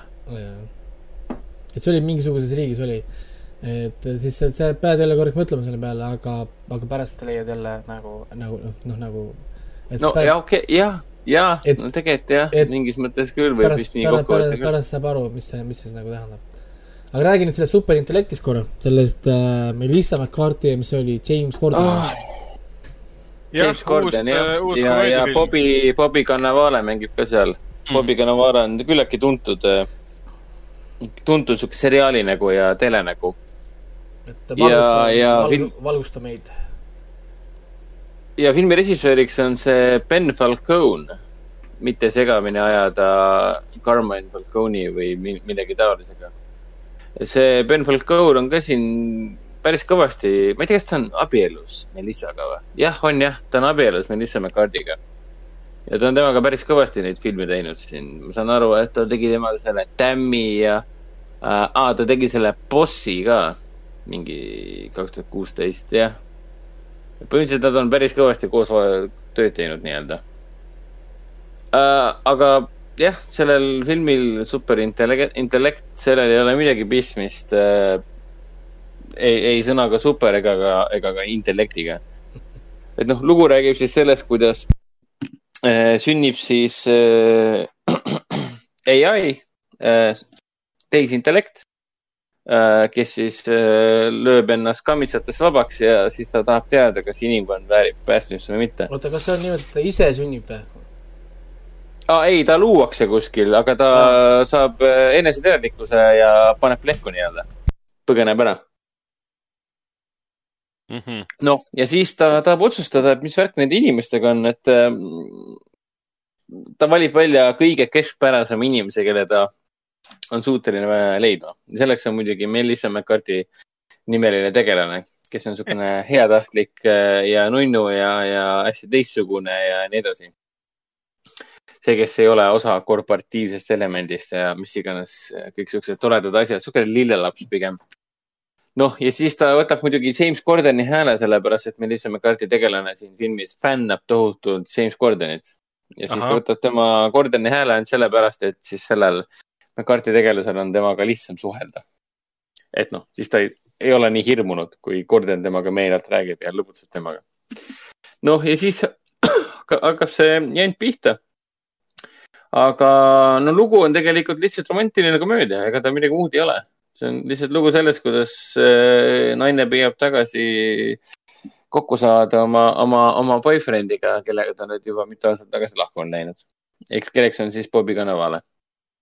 noh, ja see ongi kogu filmi point ja siis samal ajal on see siin superintellekt, kes siis äh, püüab mõista, äh, mis paneb inimesi tiksuma ja kas inimene väärib üldse siin kohta ja, ja nii edasi hästi lihtsad, äh, lihtsad, hästi lihtnakoeline, lihtne, lihtsakoeline film, et siin ei ole, äh, noh, ajutööd ei nõuta selles suhtes äh,. aga probleem on selles, et ta peaks olema nagu komöödia, ta peaks olema ka põnevuskomöödia, romantiline komöödia.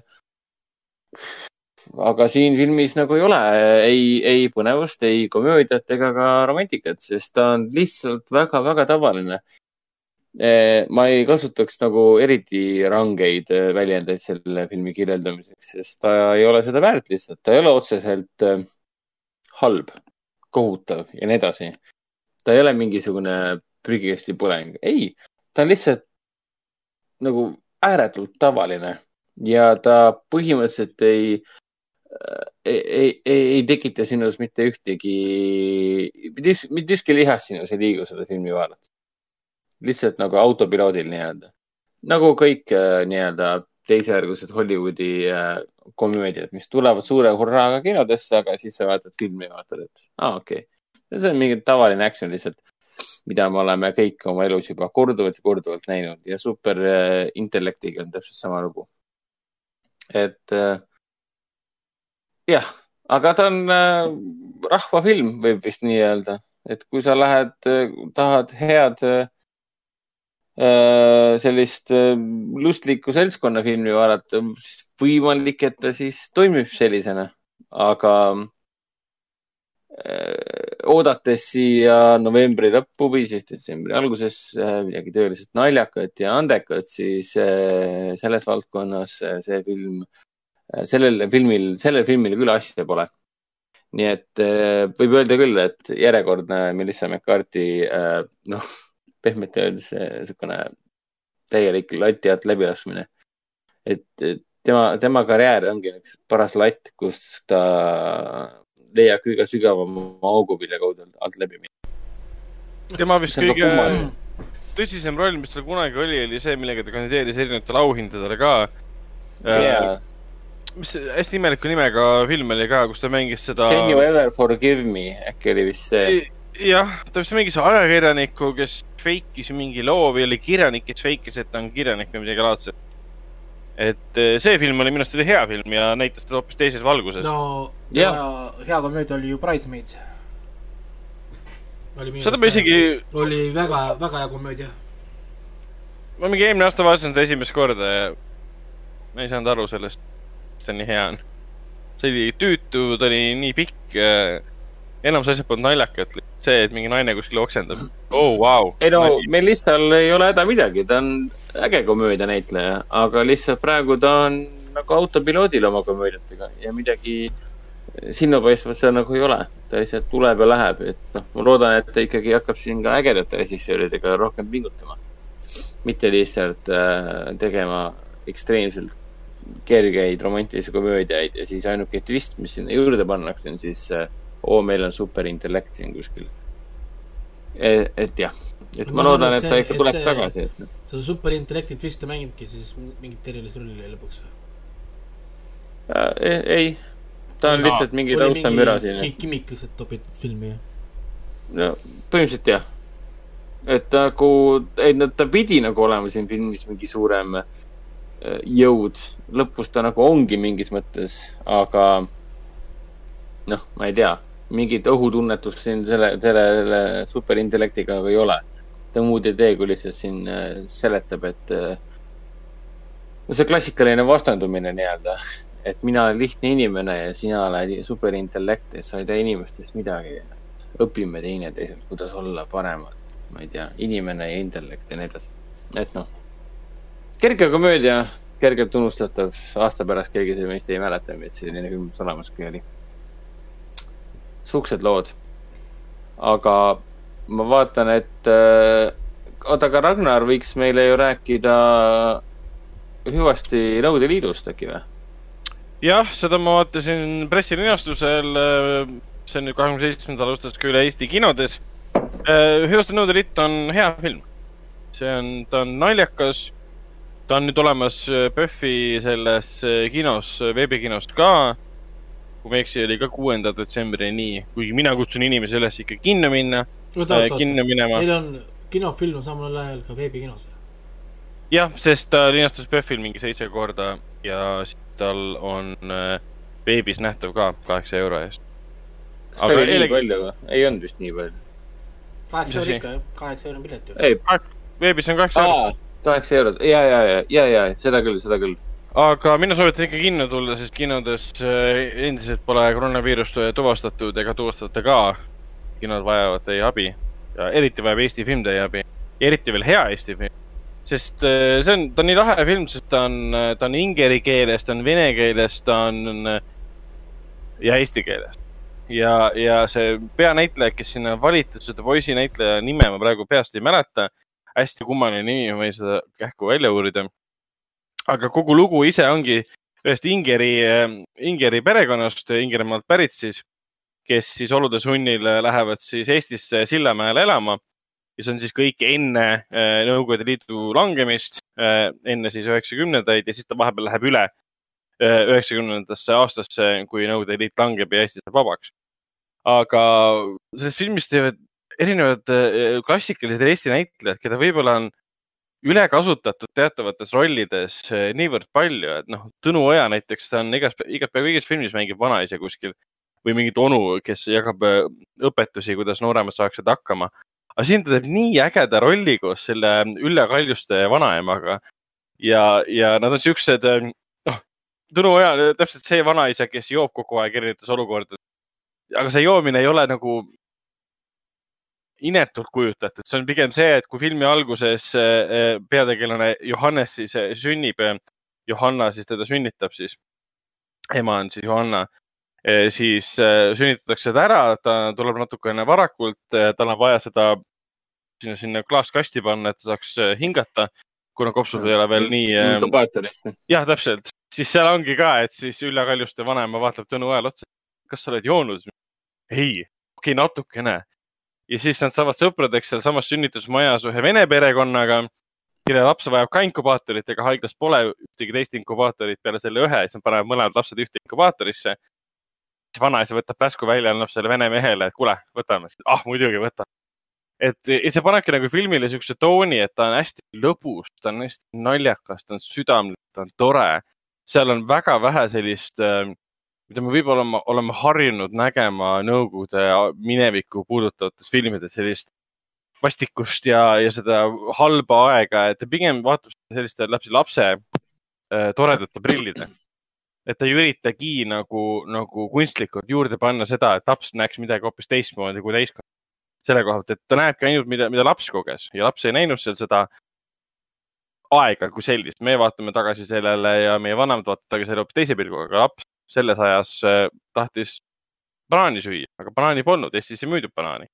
ja siis, kui ema läheb Soome tööle, toob banaani, siis äh, enne kui ta banaani sööma hakkab, oma siis Sillamäe korteris, kitsas korteris, kogu tegevus on peamiselt ainult köögis, sest köök oli üks koht, kus kõik inimesed ära mahtusid. Äh, kuna me jagasime veel korterit sellesama vene perekonnaga, siis ongi see, et saad banaani kätte ja siis vanaisa ütleb, Tõnu Oja ütleb, et ei kuule, Nõukogude Liidus süüakse, süüakse banaani silmad kinni. Miks sa pead nautima igat ampsu, sest eh, banaani ei ole lihtsalt ju. ja siis ta läheb kooli selle banaaniga, kõik vaatavad, siukene lahe kaader on ka slow motion'is kõnnib. tal on need ema käest saadud tossud jalas, valgused, arbe, RBG või mis iganes toonased valgused olid, on sees iga sammuga Äh, need paistavad teistele silma, sööb siis äh, banaani, kõik poisid vaatavad, tüdrukud vaatavad. jumal, viskab selle banaanikoore maha ja siis üks korjab banaanikoore üles, nuusutab seda. ja teised hakkavad jagama seda, et see on selline noh, ilmselgelt äh, naljaga pooleks tehtud humoorikad seigad, mis on segu siis sellest, milline oli Nõukogude reaalsus ja milline me tahame, et ta oleks olnud või milline oleks see ähm, naljakas versioon sellest, sest kui me vaatame selle aja tagasi, see oli absurdne aeg, seal olid uskumatud rumalused ja siin on ka see absurdsus läbi huumori väga hästi läbi toodud, välja toodud.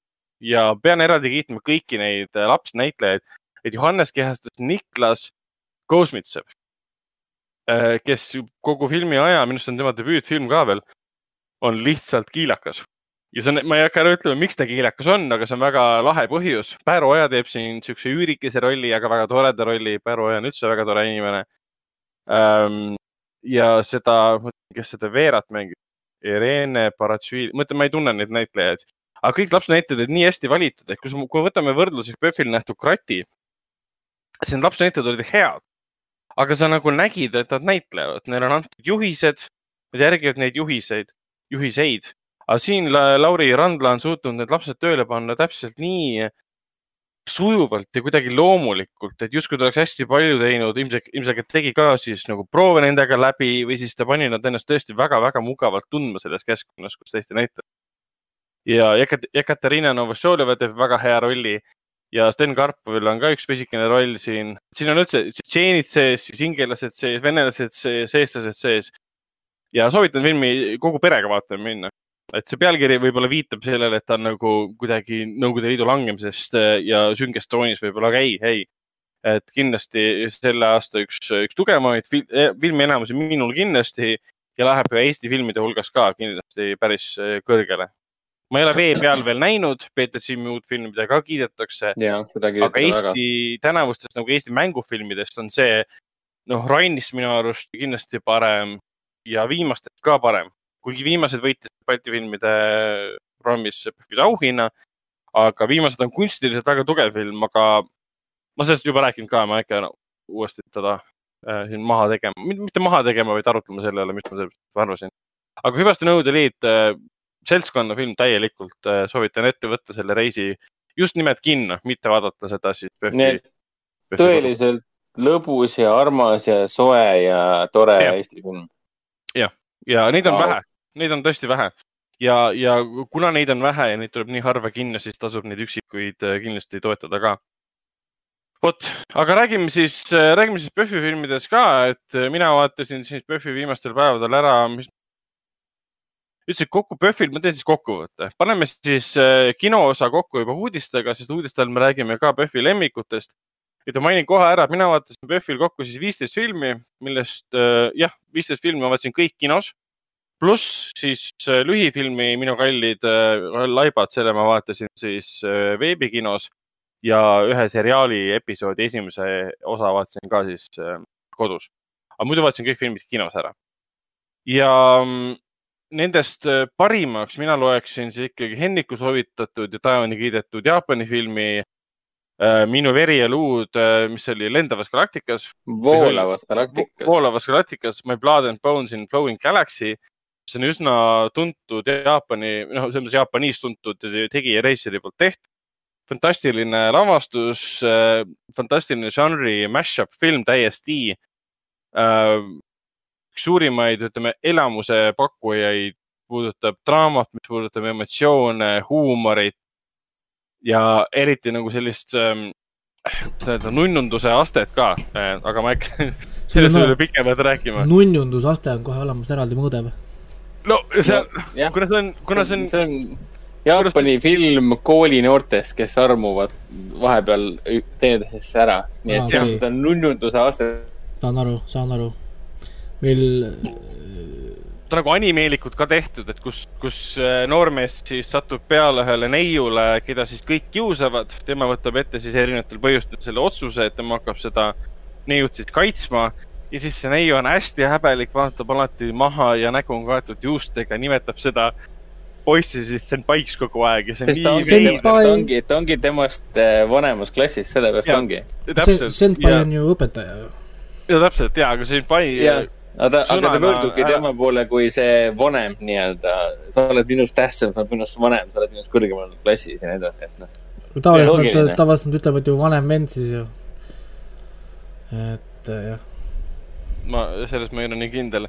aga selle filmi kohta võib nii palju öelda, et seda ei ole kuskilt saadaval, äh, välja arvatud PÖFFil, veebis ka, mis on kahju, sest ta Jaapanis pidi juba mais välja tulema, aga siis tuli pandeemia peale ja. vahele ja praegustel andmetel tuleb see film Jaapanis välja alles järgmise aasta kevadel.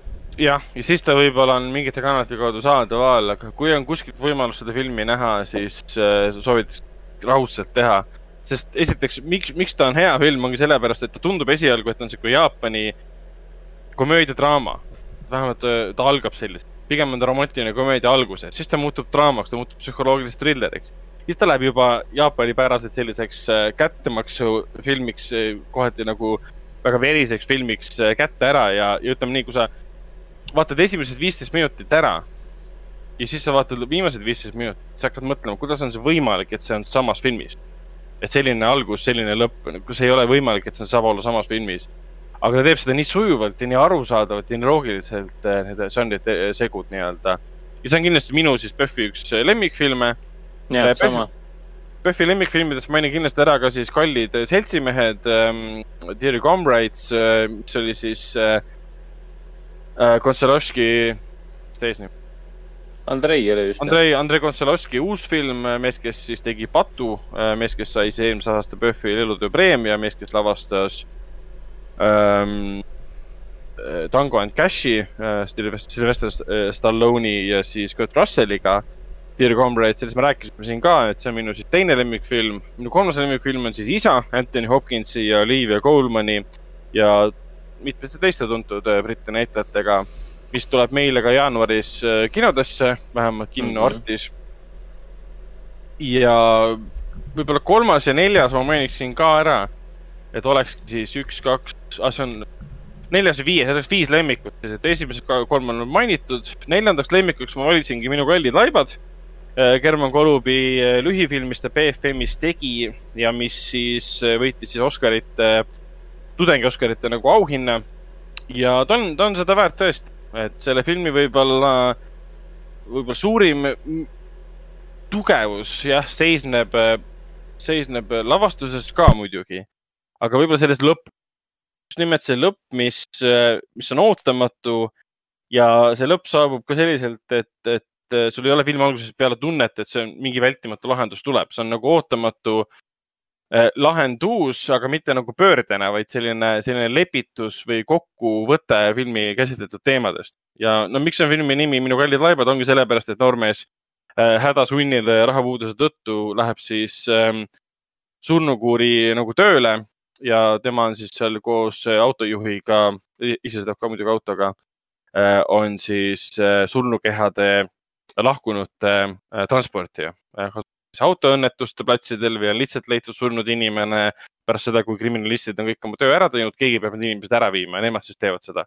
ja, ja mis suhe neil tekib seal autos sõites ja kuidas noormees ei saa aru sellest, kuidas üks mees võib nii lihtsalt seda tööd võtta ja kõik see, et see oli väga-väga tugevalt tehtud, üldse ei jäänud muljet, et oleks tehtud tudengi poolt ja siis äh, viies lemmikfilm äh, ongi siis jah, teistsugune maailm ähm,.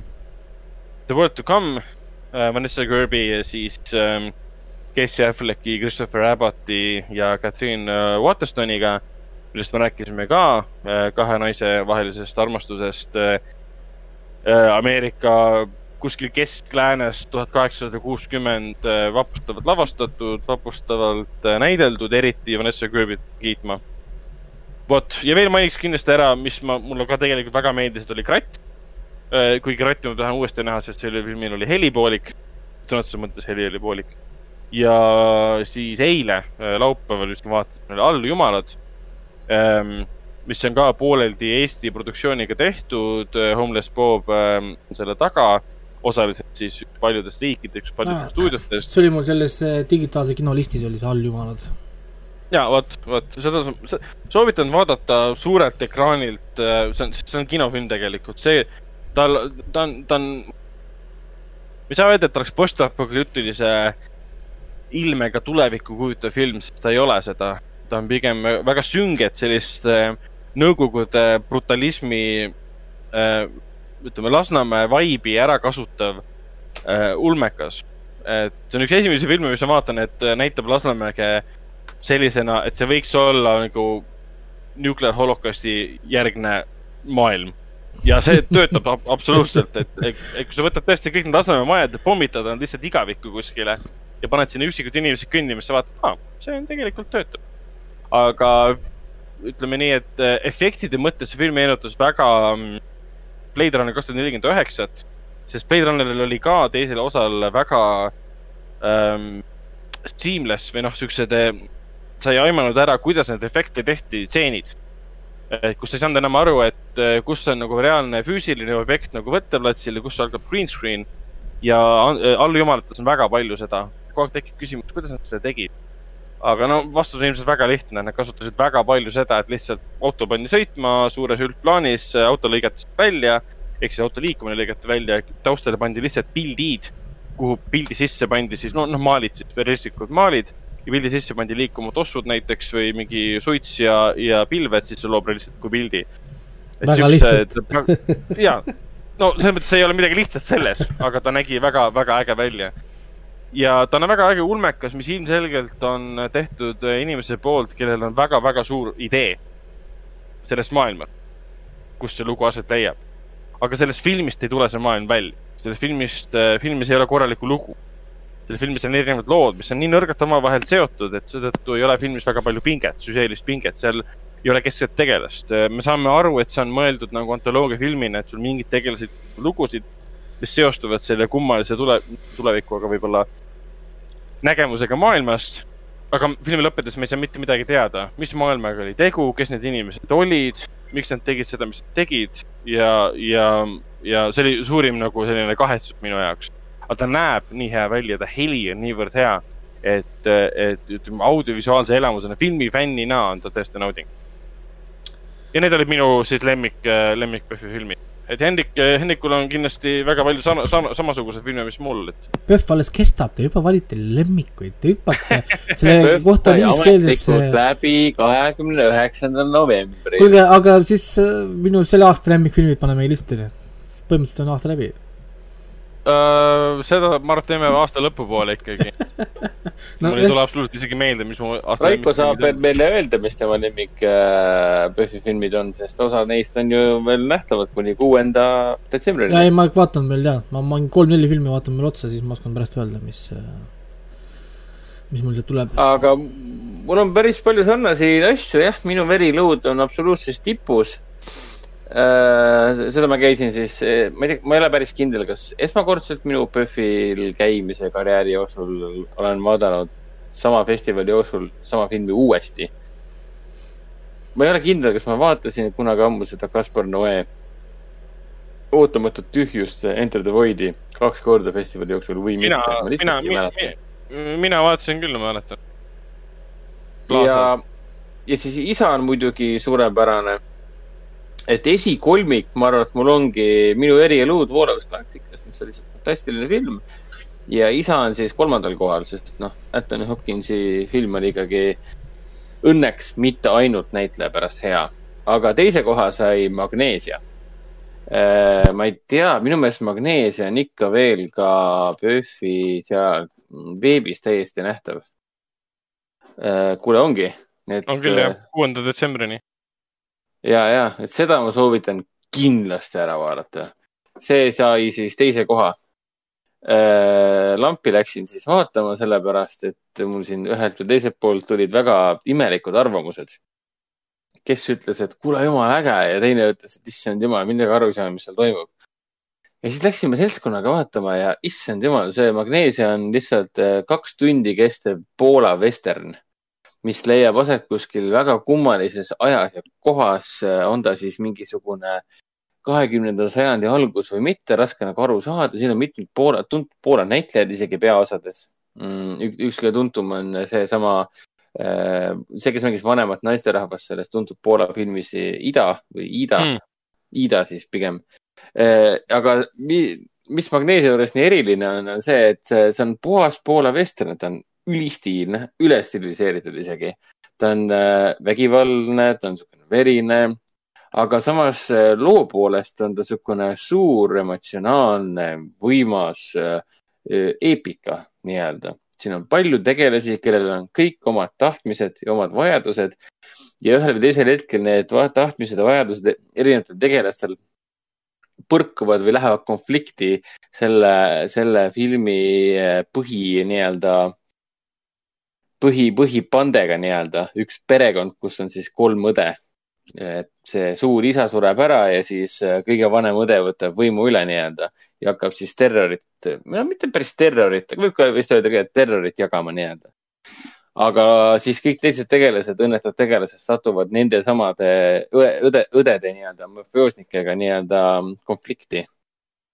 ehk siis põhimõtteliselt see on nagu vesterniski, meil on üks suur äh, vägivaldne pande ja siis teised õnnetud tegelased püüavad kõik kuidagi, ma ei tea, oma maise või siis hingelise varaga kuidagi põgeneda nende juurest ja uut elu leida. aga ta on naljakas, see Magnesia, ta on üllatavalt naljakas, ta on üllatavalt niisugune stiilne ja vägivaldne ja action'it täis ja et need režissöörid siin nagu, see režissöör nagu hullult hästi teadis, mis ta teeb. ma vaatasin ka tema IMDB tausta ta on Poolas hästi palju teinud mingisuguseid komöödiaid ja teleseriaale, aga mulle tundub, et see on kiire nii-öelda INDB etamine andis tulemuse, et see on esimene suurem selline mm, žanripõhine projekt, mis ta tegi. Hmm.. ja, ja pööraselt hästi õnnestunud, nagu kui filmi lõpp hakkas kätte jõudma, siis lõpuks me seda kõik irvitasime nagu lollakad põhimõtteliselt, sest noh, muusika on esiteks nii hea valik, et stiilitunnetus siin filmil on see metsikult hea, täiesti nagu sihuke nõdrameelne.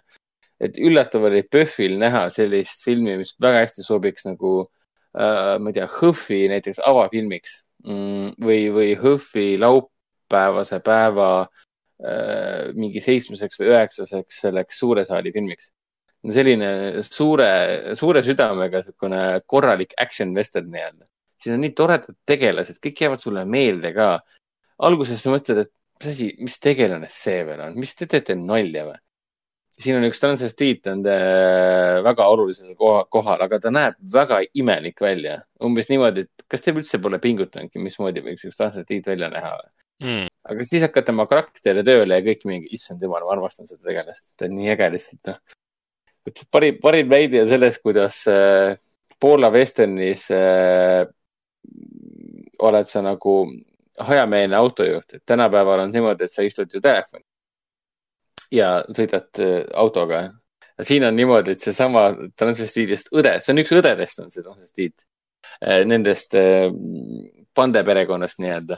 tema sõidab autoga ja siis samal ajal valab endale kokaiini ja siis kokaiini linna tõmmata, samal ajal sõidab mööda kuradi mets, metsateed ja püüab kuidagi tee peale jääda. siin on selliseid momente täis lihtsalt, see on täiesti crazy. Ja ühed tegelased on kaksikud Äh, kes on fotograafid, endised tsirkuse ähm, artistid. ja nende, nad on muidugi need äh, siiamilaadsed kaksikud, sest neil mõlemad, neil on kõik jäsemed olemas, aga nad on otse siit äh, ringkere külje pealt nii-öelda omavahel ühendatud mm. -hmm. aga neil on ka suured unistused ja suured tahtmised ja armastus ja nii edasi. väga vinge film, kohutavalt äge film, tahaks seda isegi uuesti näha Äh, ja siis neljandaks ma valisin ka siis Končalovski Kallid seltsimehed. Äh, väga kurb, väga tõsine, aga väga põnevalt lavastatud, äh, lavastatud noh, ajalooline tragöödia. ja, ja viiendaks filmiks oli kolm, neli, viis. viiendaks filmiks ma panin puhtalt tänase emotsiooni najal, siis minu viimaseks PÖFFi kinofilmiks jäi siis Ben Seitlini uus film Wendy Ben Seiken oli siis see, kes siis aastal kaks tuhat kaksteist tegi selle neljale Oscarile nomineeritud äh, Beasts of the Southern Wildi. ja see on tema esimene film pärast kahe tuhande kaheteistkümnendat aastat. ta polegi ühtegi teistpidi filmi teinud. ja kui sulle meeldis äh, Beast of the Southern Wild, äh, siis meeldib ka Vendi. ainukene miinus, mida filmile ette heita, on see, et ta võttis kätte ja tegi sellest äh, Äh, Peeter Paani teemast jälle uue nägemuse, sest äh, see on veits tüütuks muutunud, et kogu aeg tehakse. no nii palju olnud vahepeal. no juba praegu meil jookseb ju kinodesse Come yeah. Away ehk siis Tule yeah. eemale, kus on siis Peeter Paan ja Alice äh, imetemaal kokku pandud. mitte, et see nüüd paha oleks, et midagi sellist teha, aga lihtsalt veidi noh, see kadunud poiste teema ja, ja siis lapsed, kes ei taha suureks kasvada, see on veits tüütuks muutunud aga Ben Seitlini käe all, ta teeb seda filmi täpselt samamoodi, nagu ta tegi oma esimest filmi. isegi sama helilooja tuli tagasi, see Dan Romer, kes teeb seda sihukest rõkkavat, sihukest võimast, kaasaarvat, sihukest inspireerivat muusikat. see on, sa võid seda niisama ka kuulata ja sa oled kohe tuju läheb paremaks ja siin on täpselt samamoodi. ja siis tema see Ben Seitlini see režistiil äh,, ta armastab lapsi sest esimeses filmis, mis ta tegi samamoodi, see Kovansi ja Wallis, väike mustanahaline tüdruk, kes sai kõik, kes on siiamaani läinud ajalukku kui kõige noorem ah, näitleja, kes sai peaosatäitja Oscari nominatsiooni. Äh, ja, ja siin samamoodi, ta on terve hunnik väikseid lapsi ja ta nii hästi nagu juhendab neid, see on üks asi, või siis teine asi, ta laseb neil lihtsalt olla. Ja kõik on omas elemendis, karjuvad, lõugavad, aga story kogu aeg areneb ja, ja samas, kui sellest esimesest nagu, esimesest äh, nagu lainest üle saada, et noh, ta tegi jälle sellest Petermanni asjast nagu loo, siis filmi teine pool hakkab nagu nii hästi tööle, sest äh, tema, Ben Seitlini nägemus sellest Peter Pani loost ja kadunud lastest ja kapten Konks käest ja, ja kõik see, mis seal äh, ei kunagi maas toimub Eh, hakkab siis nagu eriti hästi tööle, sellepärast et eh, kogu esimese filmi pooles ta on reegleid paika pannud ja teises pooles ta lõpuks näitab, mida ta nende, mida tema arvab, eh, kuidas tegelikult noh, ei kunagi ma sellised ähm, elemendid on, on tegelikult välja arenenud või, või oleksid pidanud tegelikult välja arenema nii-öelda. et see on tegelikult väga äge et siin, et noh, võib öelda küll niimoodi, et sa nagu näeksid nagu seda päris versiooni, milline võikski olla Peeter Paani lugu. et eh, jah, ja Ben Saitini stiil on ka see, et ta, tal on see rappuva kaamera stiil, sihuke naturalistlik äh, lähenemine filmi, filmimisele nii-öelda. kus ta nagu äh, jookseb kaasa, et jookseb oma näitlejatega kaasa, pööraselt kiiresti jookseb igale poole kaasa, et sa oled kogu aeg action'is sees nii-öelda. Ja siin taaskord on mõned väga-väga metsikult kaunid stseenid äh,, mis noh, kui meelde tuletada neid äh, suuri kulte või siis neid äh, metssigu seal Beast of the Southern Wildis siis Wendy's on midagi sellist maagilist elementi taaskord sisse toodud. ma ei taha seda otseselt välja öelda, et äkki jõuab ka Eesti kinodesse või kuidagimoodi on see ka nähtav. aga mõned stseenid on sellised imekaunid, et paneks lihtsalt seina peale endale. Aga noh, okei okay,, etteheide on jah see, et tuttavlik lugu, aga kiidaks muidugi seda, et ta suutis sellest pigem üle olla ja pakkuda midagi, vähemalt minu meelest täiesti väga loogilisi äh, väga loogilist nägemust, milline peaks olema tegelikult, milline tegelikult oligi või peaks olema siis Peeter Paani lugu. väga ilus muusika, väga ägedad näitlejad. Kõik need väiksed lapsed, kes siin ringi jooksevad, nad on kõik nii vahvad, nad on eh, nii ägedalt tööle pandud, nad täiega, täiega naudivad seda filmi. et ja, ma olen, ma olin nagu üllatunud, et mulle see film meeldis, sest selle filmiga on see häda, et eh, USA kriitikud on filmi kõik maha teinud. kõik ja. ütlevad, et Ben Seitlin pani täiega mööda püüdis tabada, mis ta, kuidas seda öeldakse, välku seal. pudelis. Pudelis uuesti, aga tal, ta peaaegu õnnestus see, aga pani täiega mööda, sest ta teeb täpselt sama asja, mida ta enne tegi, aga seekord on sisuliselt kõik täiesti möödas. üldse ei nõustu, selles mõttes, et taaskord, kui sulle meeldis Beast of the Southern Wild, siis sulle meeldib Benny ka väga, et selles pole mingit kahtlustki.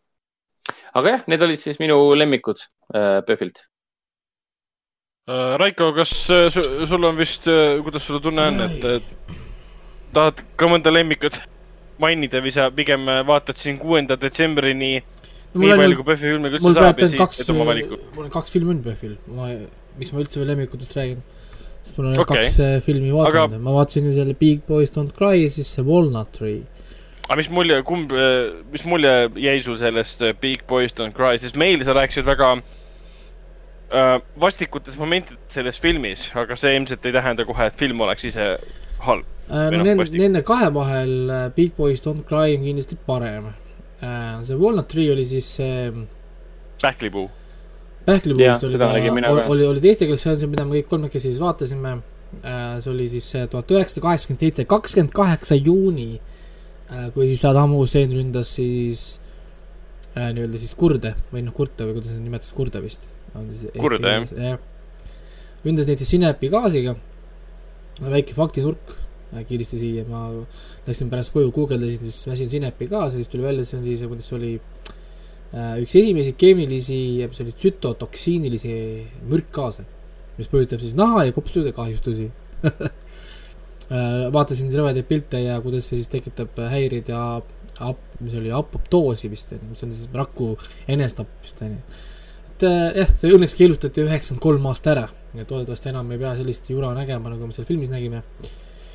Kus siis äh, villid lähevad nii suureks, et inimesed ei saa enam hingata.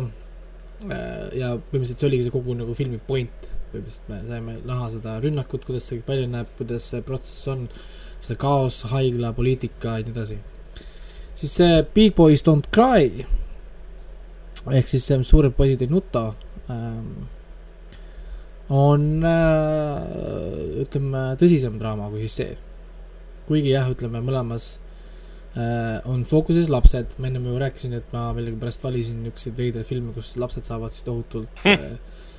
äh, kahjustatud, siis kui seal äh, pähklipuus siis suri päris mitu last ära, sest nad hingasid sisse seda sinepigaasi, siis Big Boys Don't Cry on kohati see hullem Äh, võiks mõelda, mis on hullem, kui laps sureb, onju. noh, hullem on see, kui teda täiskasvanud mehed grupikesi aasta ringi äh, tuhandeid kordi pilastavad näiteks. jah, ja, ja, ja, ja mitte ainult, onju mm..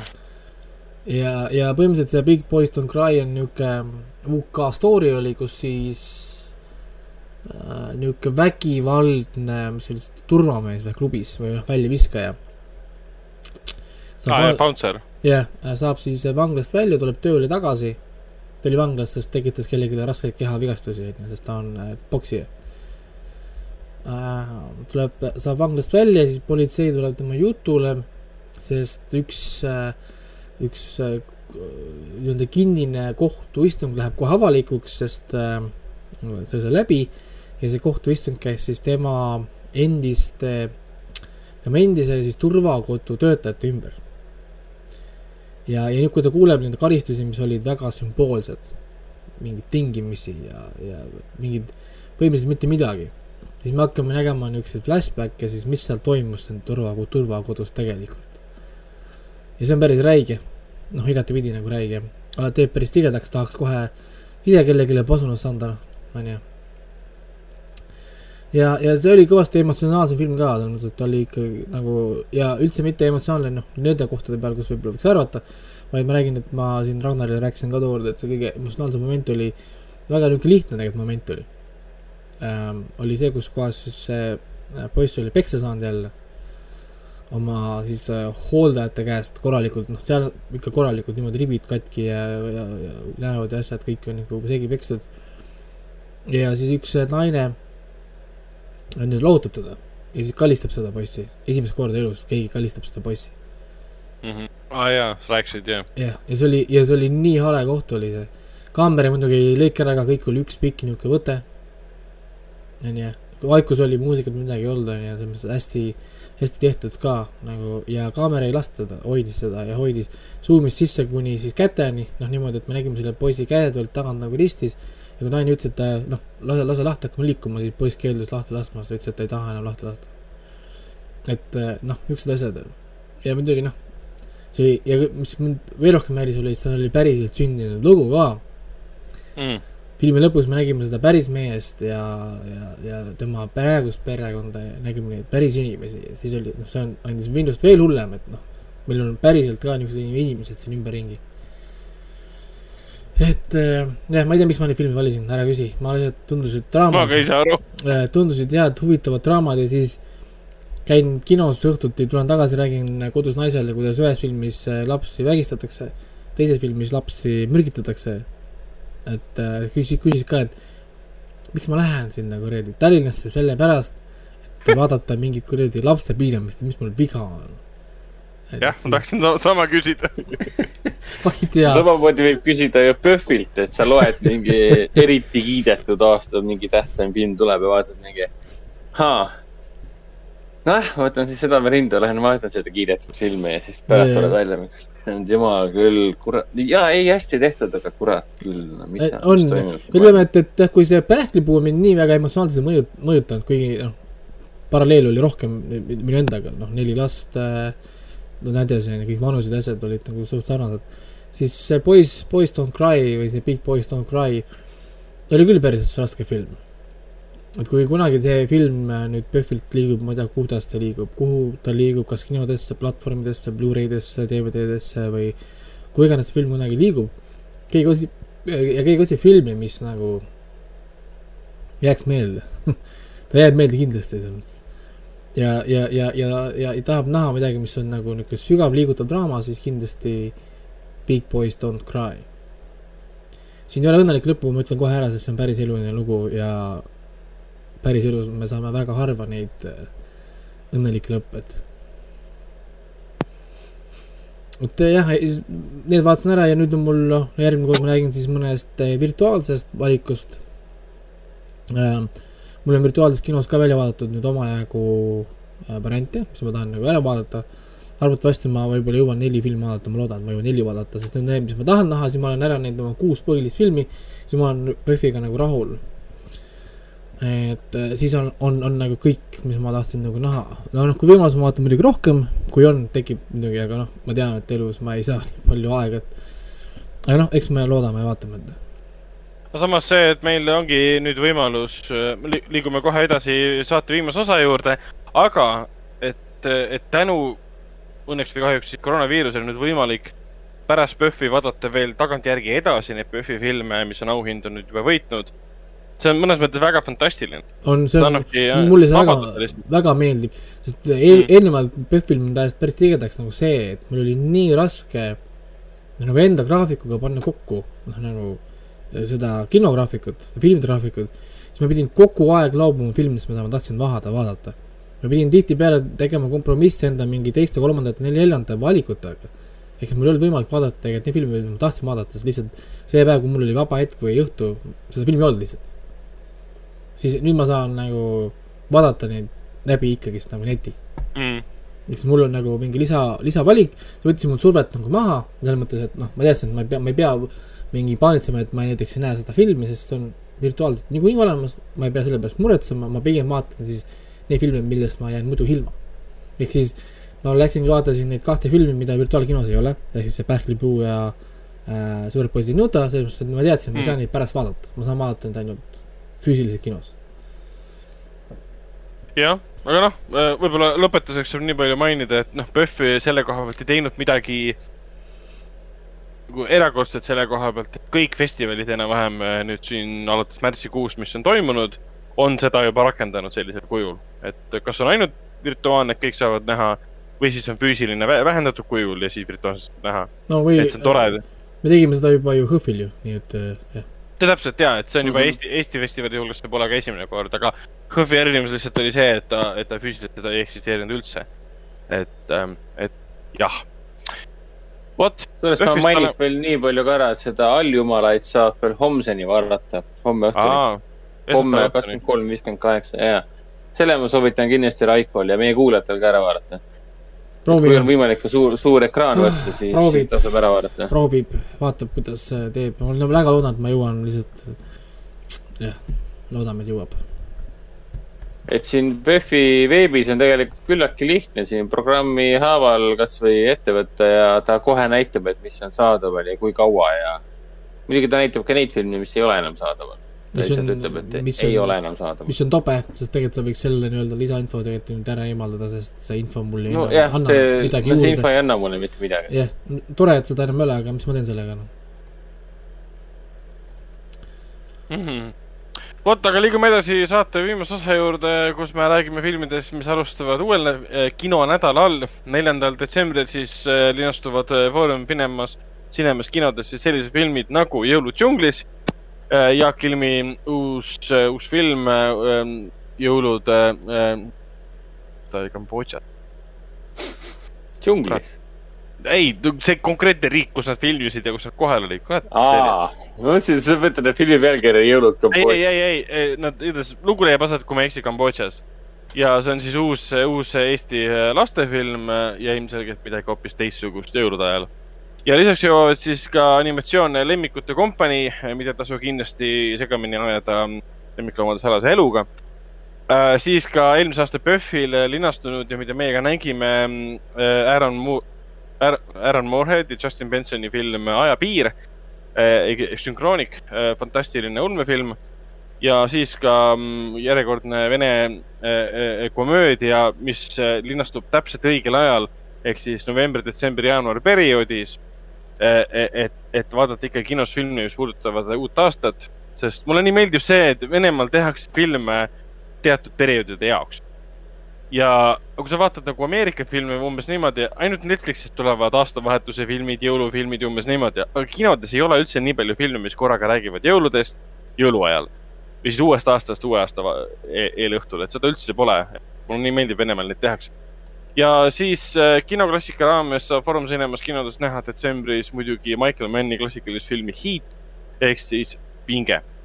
see on siis igal, igal, igal kolmapäeval saab filmi näha Foorum kinodes. välja arvatud kahekümne kolmandal detsembril äh,. siis on mingi püha teema ja lühendatud päevad ja kõik see. kakskümmend neli kinni ja kakskümmend kolm on äh, lühendatud päev uh.. Uh aga jah, jõulud on kohe käes, kusjuures praeguse salvestamise hetkel, nüüd on juba. on küll jah Iga..., meil on ka kodus alates tänasest on mul kolm äh, sussi siis akna peal. nii et mm. -hmm, sest täna ju me alustasime saate salvestamist veel esimesel advendil ju. jah, tõsi. palju õnne meile, mul tuli ikka, tuletati ka täna meelde, et mulle öeldi, et head esimest adventi oh,. issand. kas täna on esimene advent või? jah mul pole täna meeleski, et advent on novembris. praegu vaatasin ühte kuupäeva pärast, kui saade läbi on, ma räägin, mis kuupäev oli. oh kurat küll, noh. oi-oi, nii. okei, okei, mainime ära, et kinos Artises linastuvad, linastub siis ähm, dokumentaalfilm Ankeet, mis on ka, muideks veebikinos on, aga PÖFFil linastus paar korda dokumentaalfilm siis, mis pidi tulema meil, Eesti, Eesti dokumentaalfilm tulema juba aprilli kandis, aga noh, koroona ja kõik. Aljona Surzikova uus film. ja, see on väga tore südamlik dokumentaalfilm Eesti venelastest ja sellest, kuidas nad elasid siin siis üheksakümnendatel ja kuidas nemad siis tegid filmi inglisekeelne pealkiri on Soviet Friendsbook, et esialgu neil oli Soviet Facebook, aga Facebook andis mõista, et me, me kaevame teid, kaevame teid nii sügavale, kui üldse on võimalik kaevata, kui te panete oma filmi nimeks Soviet Facebook. Nad loobusid sellest. millest ma saan täiesti aru, sest ähm, ja, no kui nad ütlevad, et me kaevame teid hästi sügavale, siis see on nende poolt täitsa võimalik aga film ise soovitan kindlasti tulla, see on võib-olla har harukordne dokumentaalfilm, et äh, just äh, sellistest kunagistest noortest, kes tegid endale selliseid nii-öelda päevaraamatuid siis, kus olid nende mõtted ja soovid ja unistused kirjas. ja nüüd me näeme neid siis nagu dokumentaalkaadrit noortena ja, ja siis me näeme neid nüüd tänapäeva täiskasvanutena, enamused elavad ikkagi Eestis ja nad siis meenutavad neid aegu Äh, mis meil veel linastub, on samamoodi Jõulud džunglis, Lemmikute kompanii ja siis ka Õnnelik, õnnelik lõpp. See on äh, värske komöödia. tundub, et maailm, maailm vajab komöödiat. ja Hüvaste Nõukogude Liit on üks nendest filmidest, mis võib-olla näitab, et komöödia on see õige aeg komöödial on selline väärtus, et, et võib-olla paneb unustama korraks koroona. meil on seda hetke vaja elus, et korraks koroona kaob meelest. aga õnnelik, õnnelik lõpp soovitan ette võtta. Ma vaatan, mis mul siin veel on. nii, kuueteistkümnendast kahekümne teise detsembrini on meil tulemas ka Kim Ki-tuki filmipäevad. soovitan ähm, Artise Facebookil ja siis kodulehel silma peal hoida piletid vot äh,, nii, Netflixis äh, jõudis äh, vahepeal selline film äh, Glen Close'i ja siis Amy Adamsiga nagu Hillbilly Elegy äh,, mille kohta öeldakse väga erinevaid, väga vastakaid arvamusi äh,. Seda nimetati juba enne väljatulekut suureks Oscari filmiks äh,, eks peab selle nüüd ära vaatama.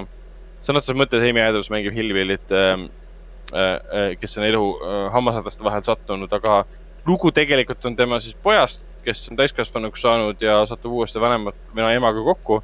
ja see lugu siis ongi raamitud, noormees meenutab oma lapsepõlve elades sellises hillbilly piirkonnas ja emaga, kes ei saa oma eluga hakkama.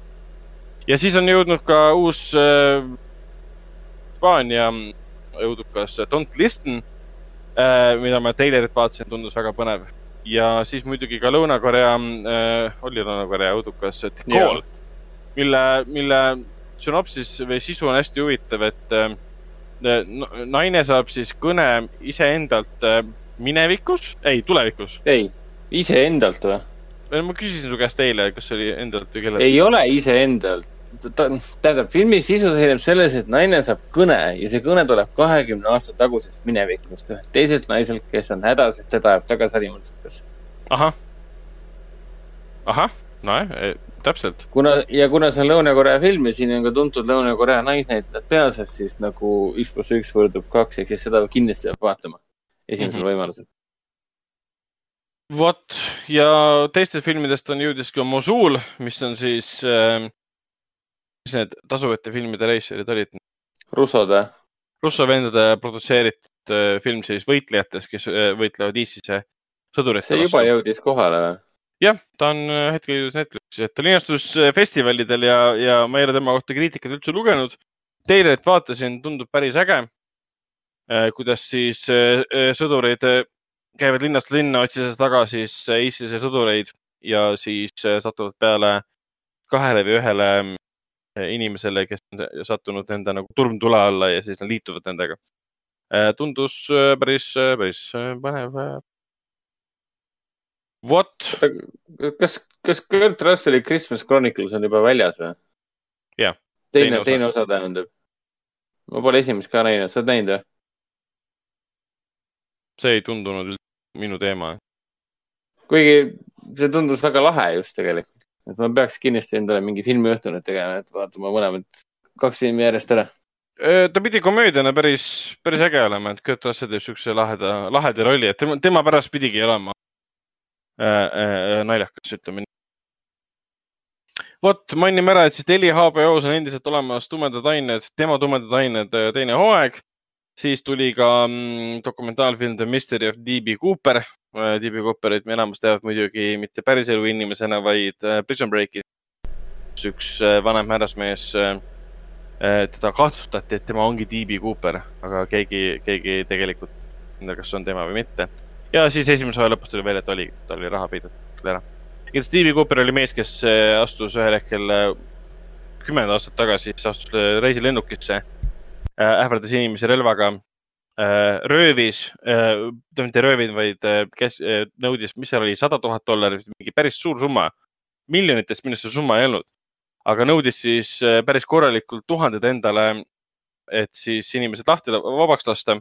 saigi selle raha endale ja siis võttis äh, selle ähm,, noh, lange varju ja hüppas välja. teda kunagi rohkem ei näitud. Oo, see on päris ah,, jaa, ma seda lugu ma mäletan, jah ja suht, suht legendaarne, ta ei tapnud mitte kedagi, ta ei teinud kellelegi viga, ta oli olevat olnud väga suur härrasmees aga ma ei teagi täpselt asjaolusid, kuidas ta selle raha nagu kätte sai, seal tehti nagu ülekanne lihtsalt kuskile või, või ma, ma, ma, ma peagi, täpselt peabki vaatama seda filmi, et aru saada sellest. ja kui on soov vaadata veel äh, dokumentaalseriaali haigetest inimestest, inimeste väo äh,, mis oli eesti keeles, tõotus või, või? Vanne või äkki midagi. vanne, vanne, siis vanne on väga, väga vastik asi, mida vaadata äh,. mis on sellest samast kultusest äh,, see mingi X MSV Kult, mille see juht pandi. vaanad, oktoobris pandi vist saja kahekümne viies osas. vot mm, Amazon Prime videos äh, nagu me nagu enne juba kuulsime, Raiko soovitab vaadata Uncle Franki, onu Frank siis äh,. Endiselt on olemas seal Utoopia esimene hooaeg äh,, sest see jääbki esimeseks ja viimaseks hooajaks. Utoopia sai Amazon cancel'i vahepeal ähm,. vot ja Brat kaks endiselt olemas, The Boys endiselt olemas ja Blumhouse. Borat äh, kaks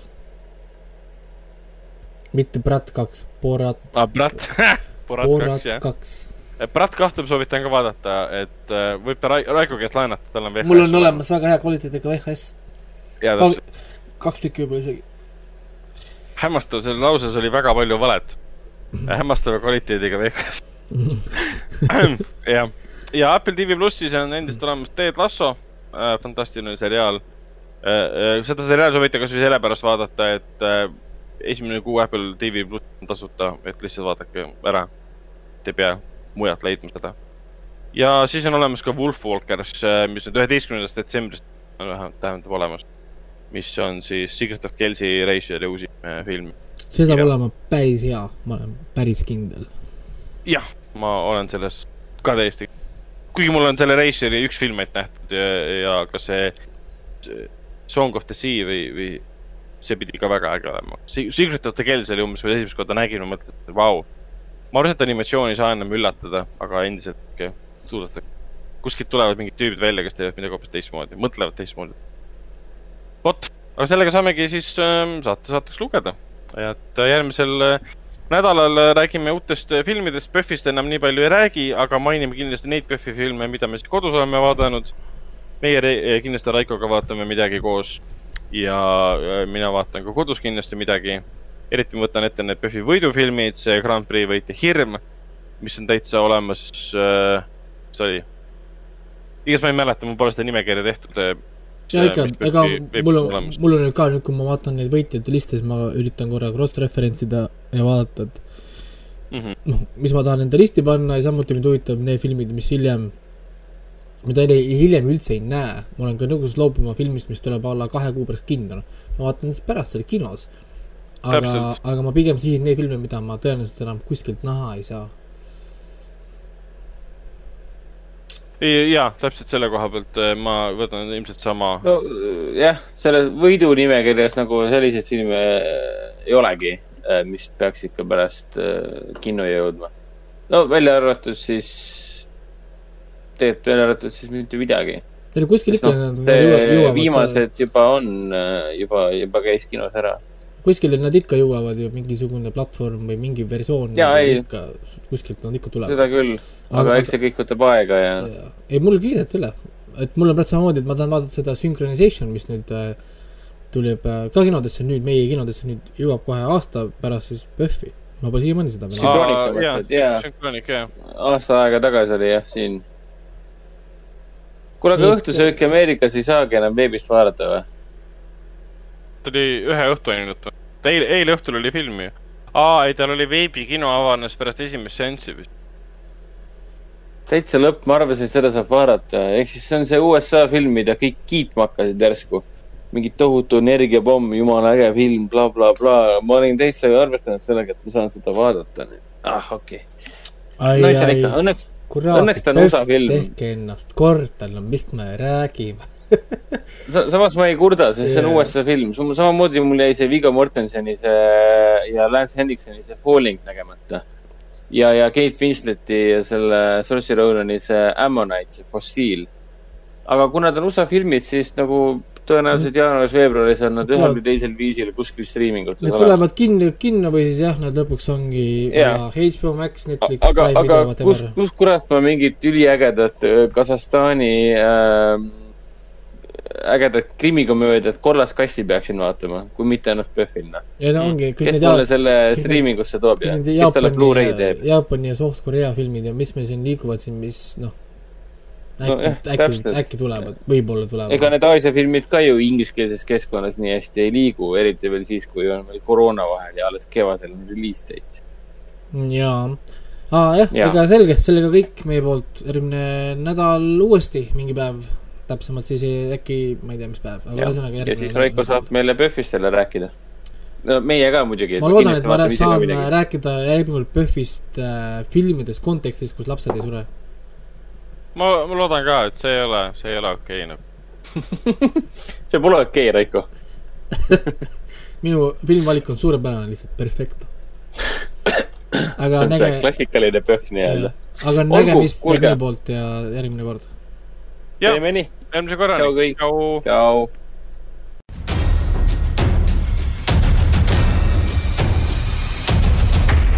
kinoveebi Jututuba podcasti toob teieni Foorum Cinemas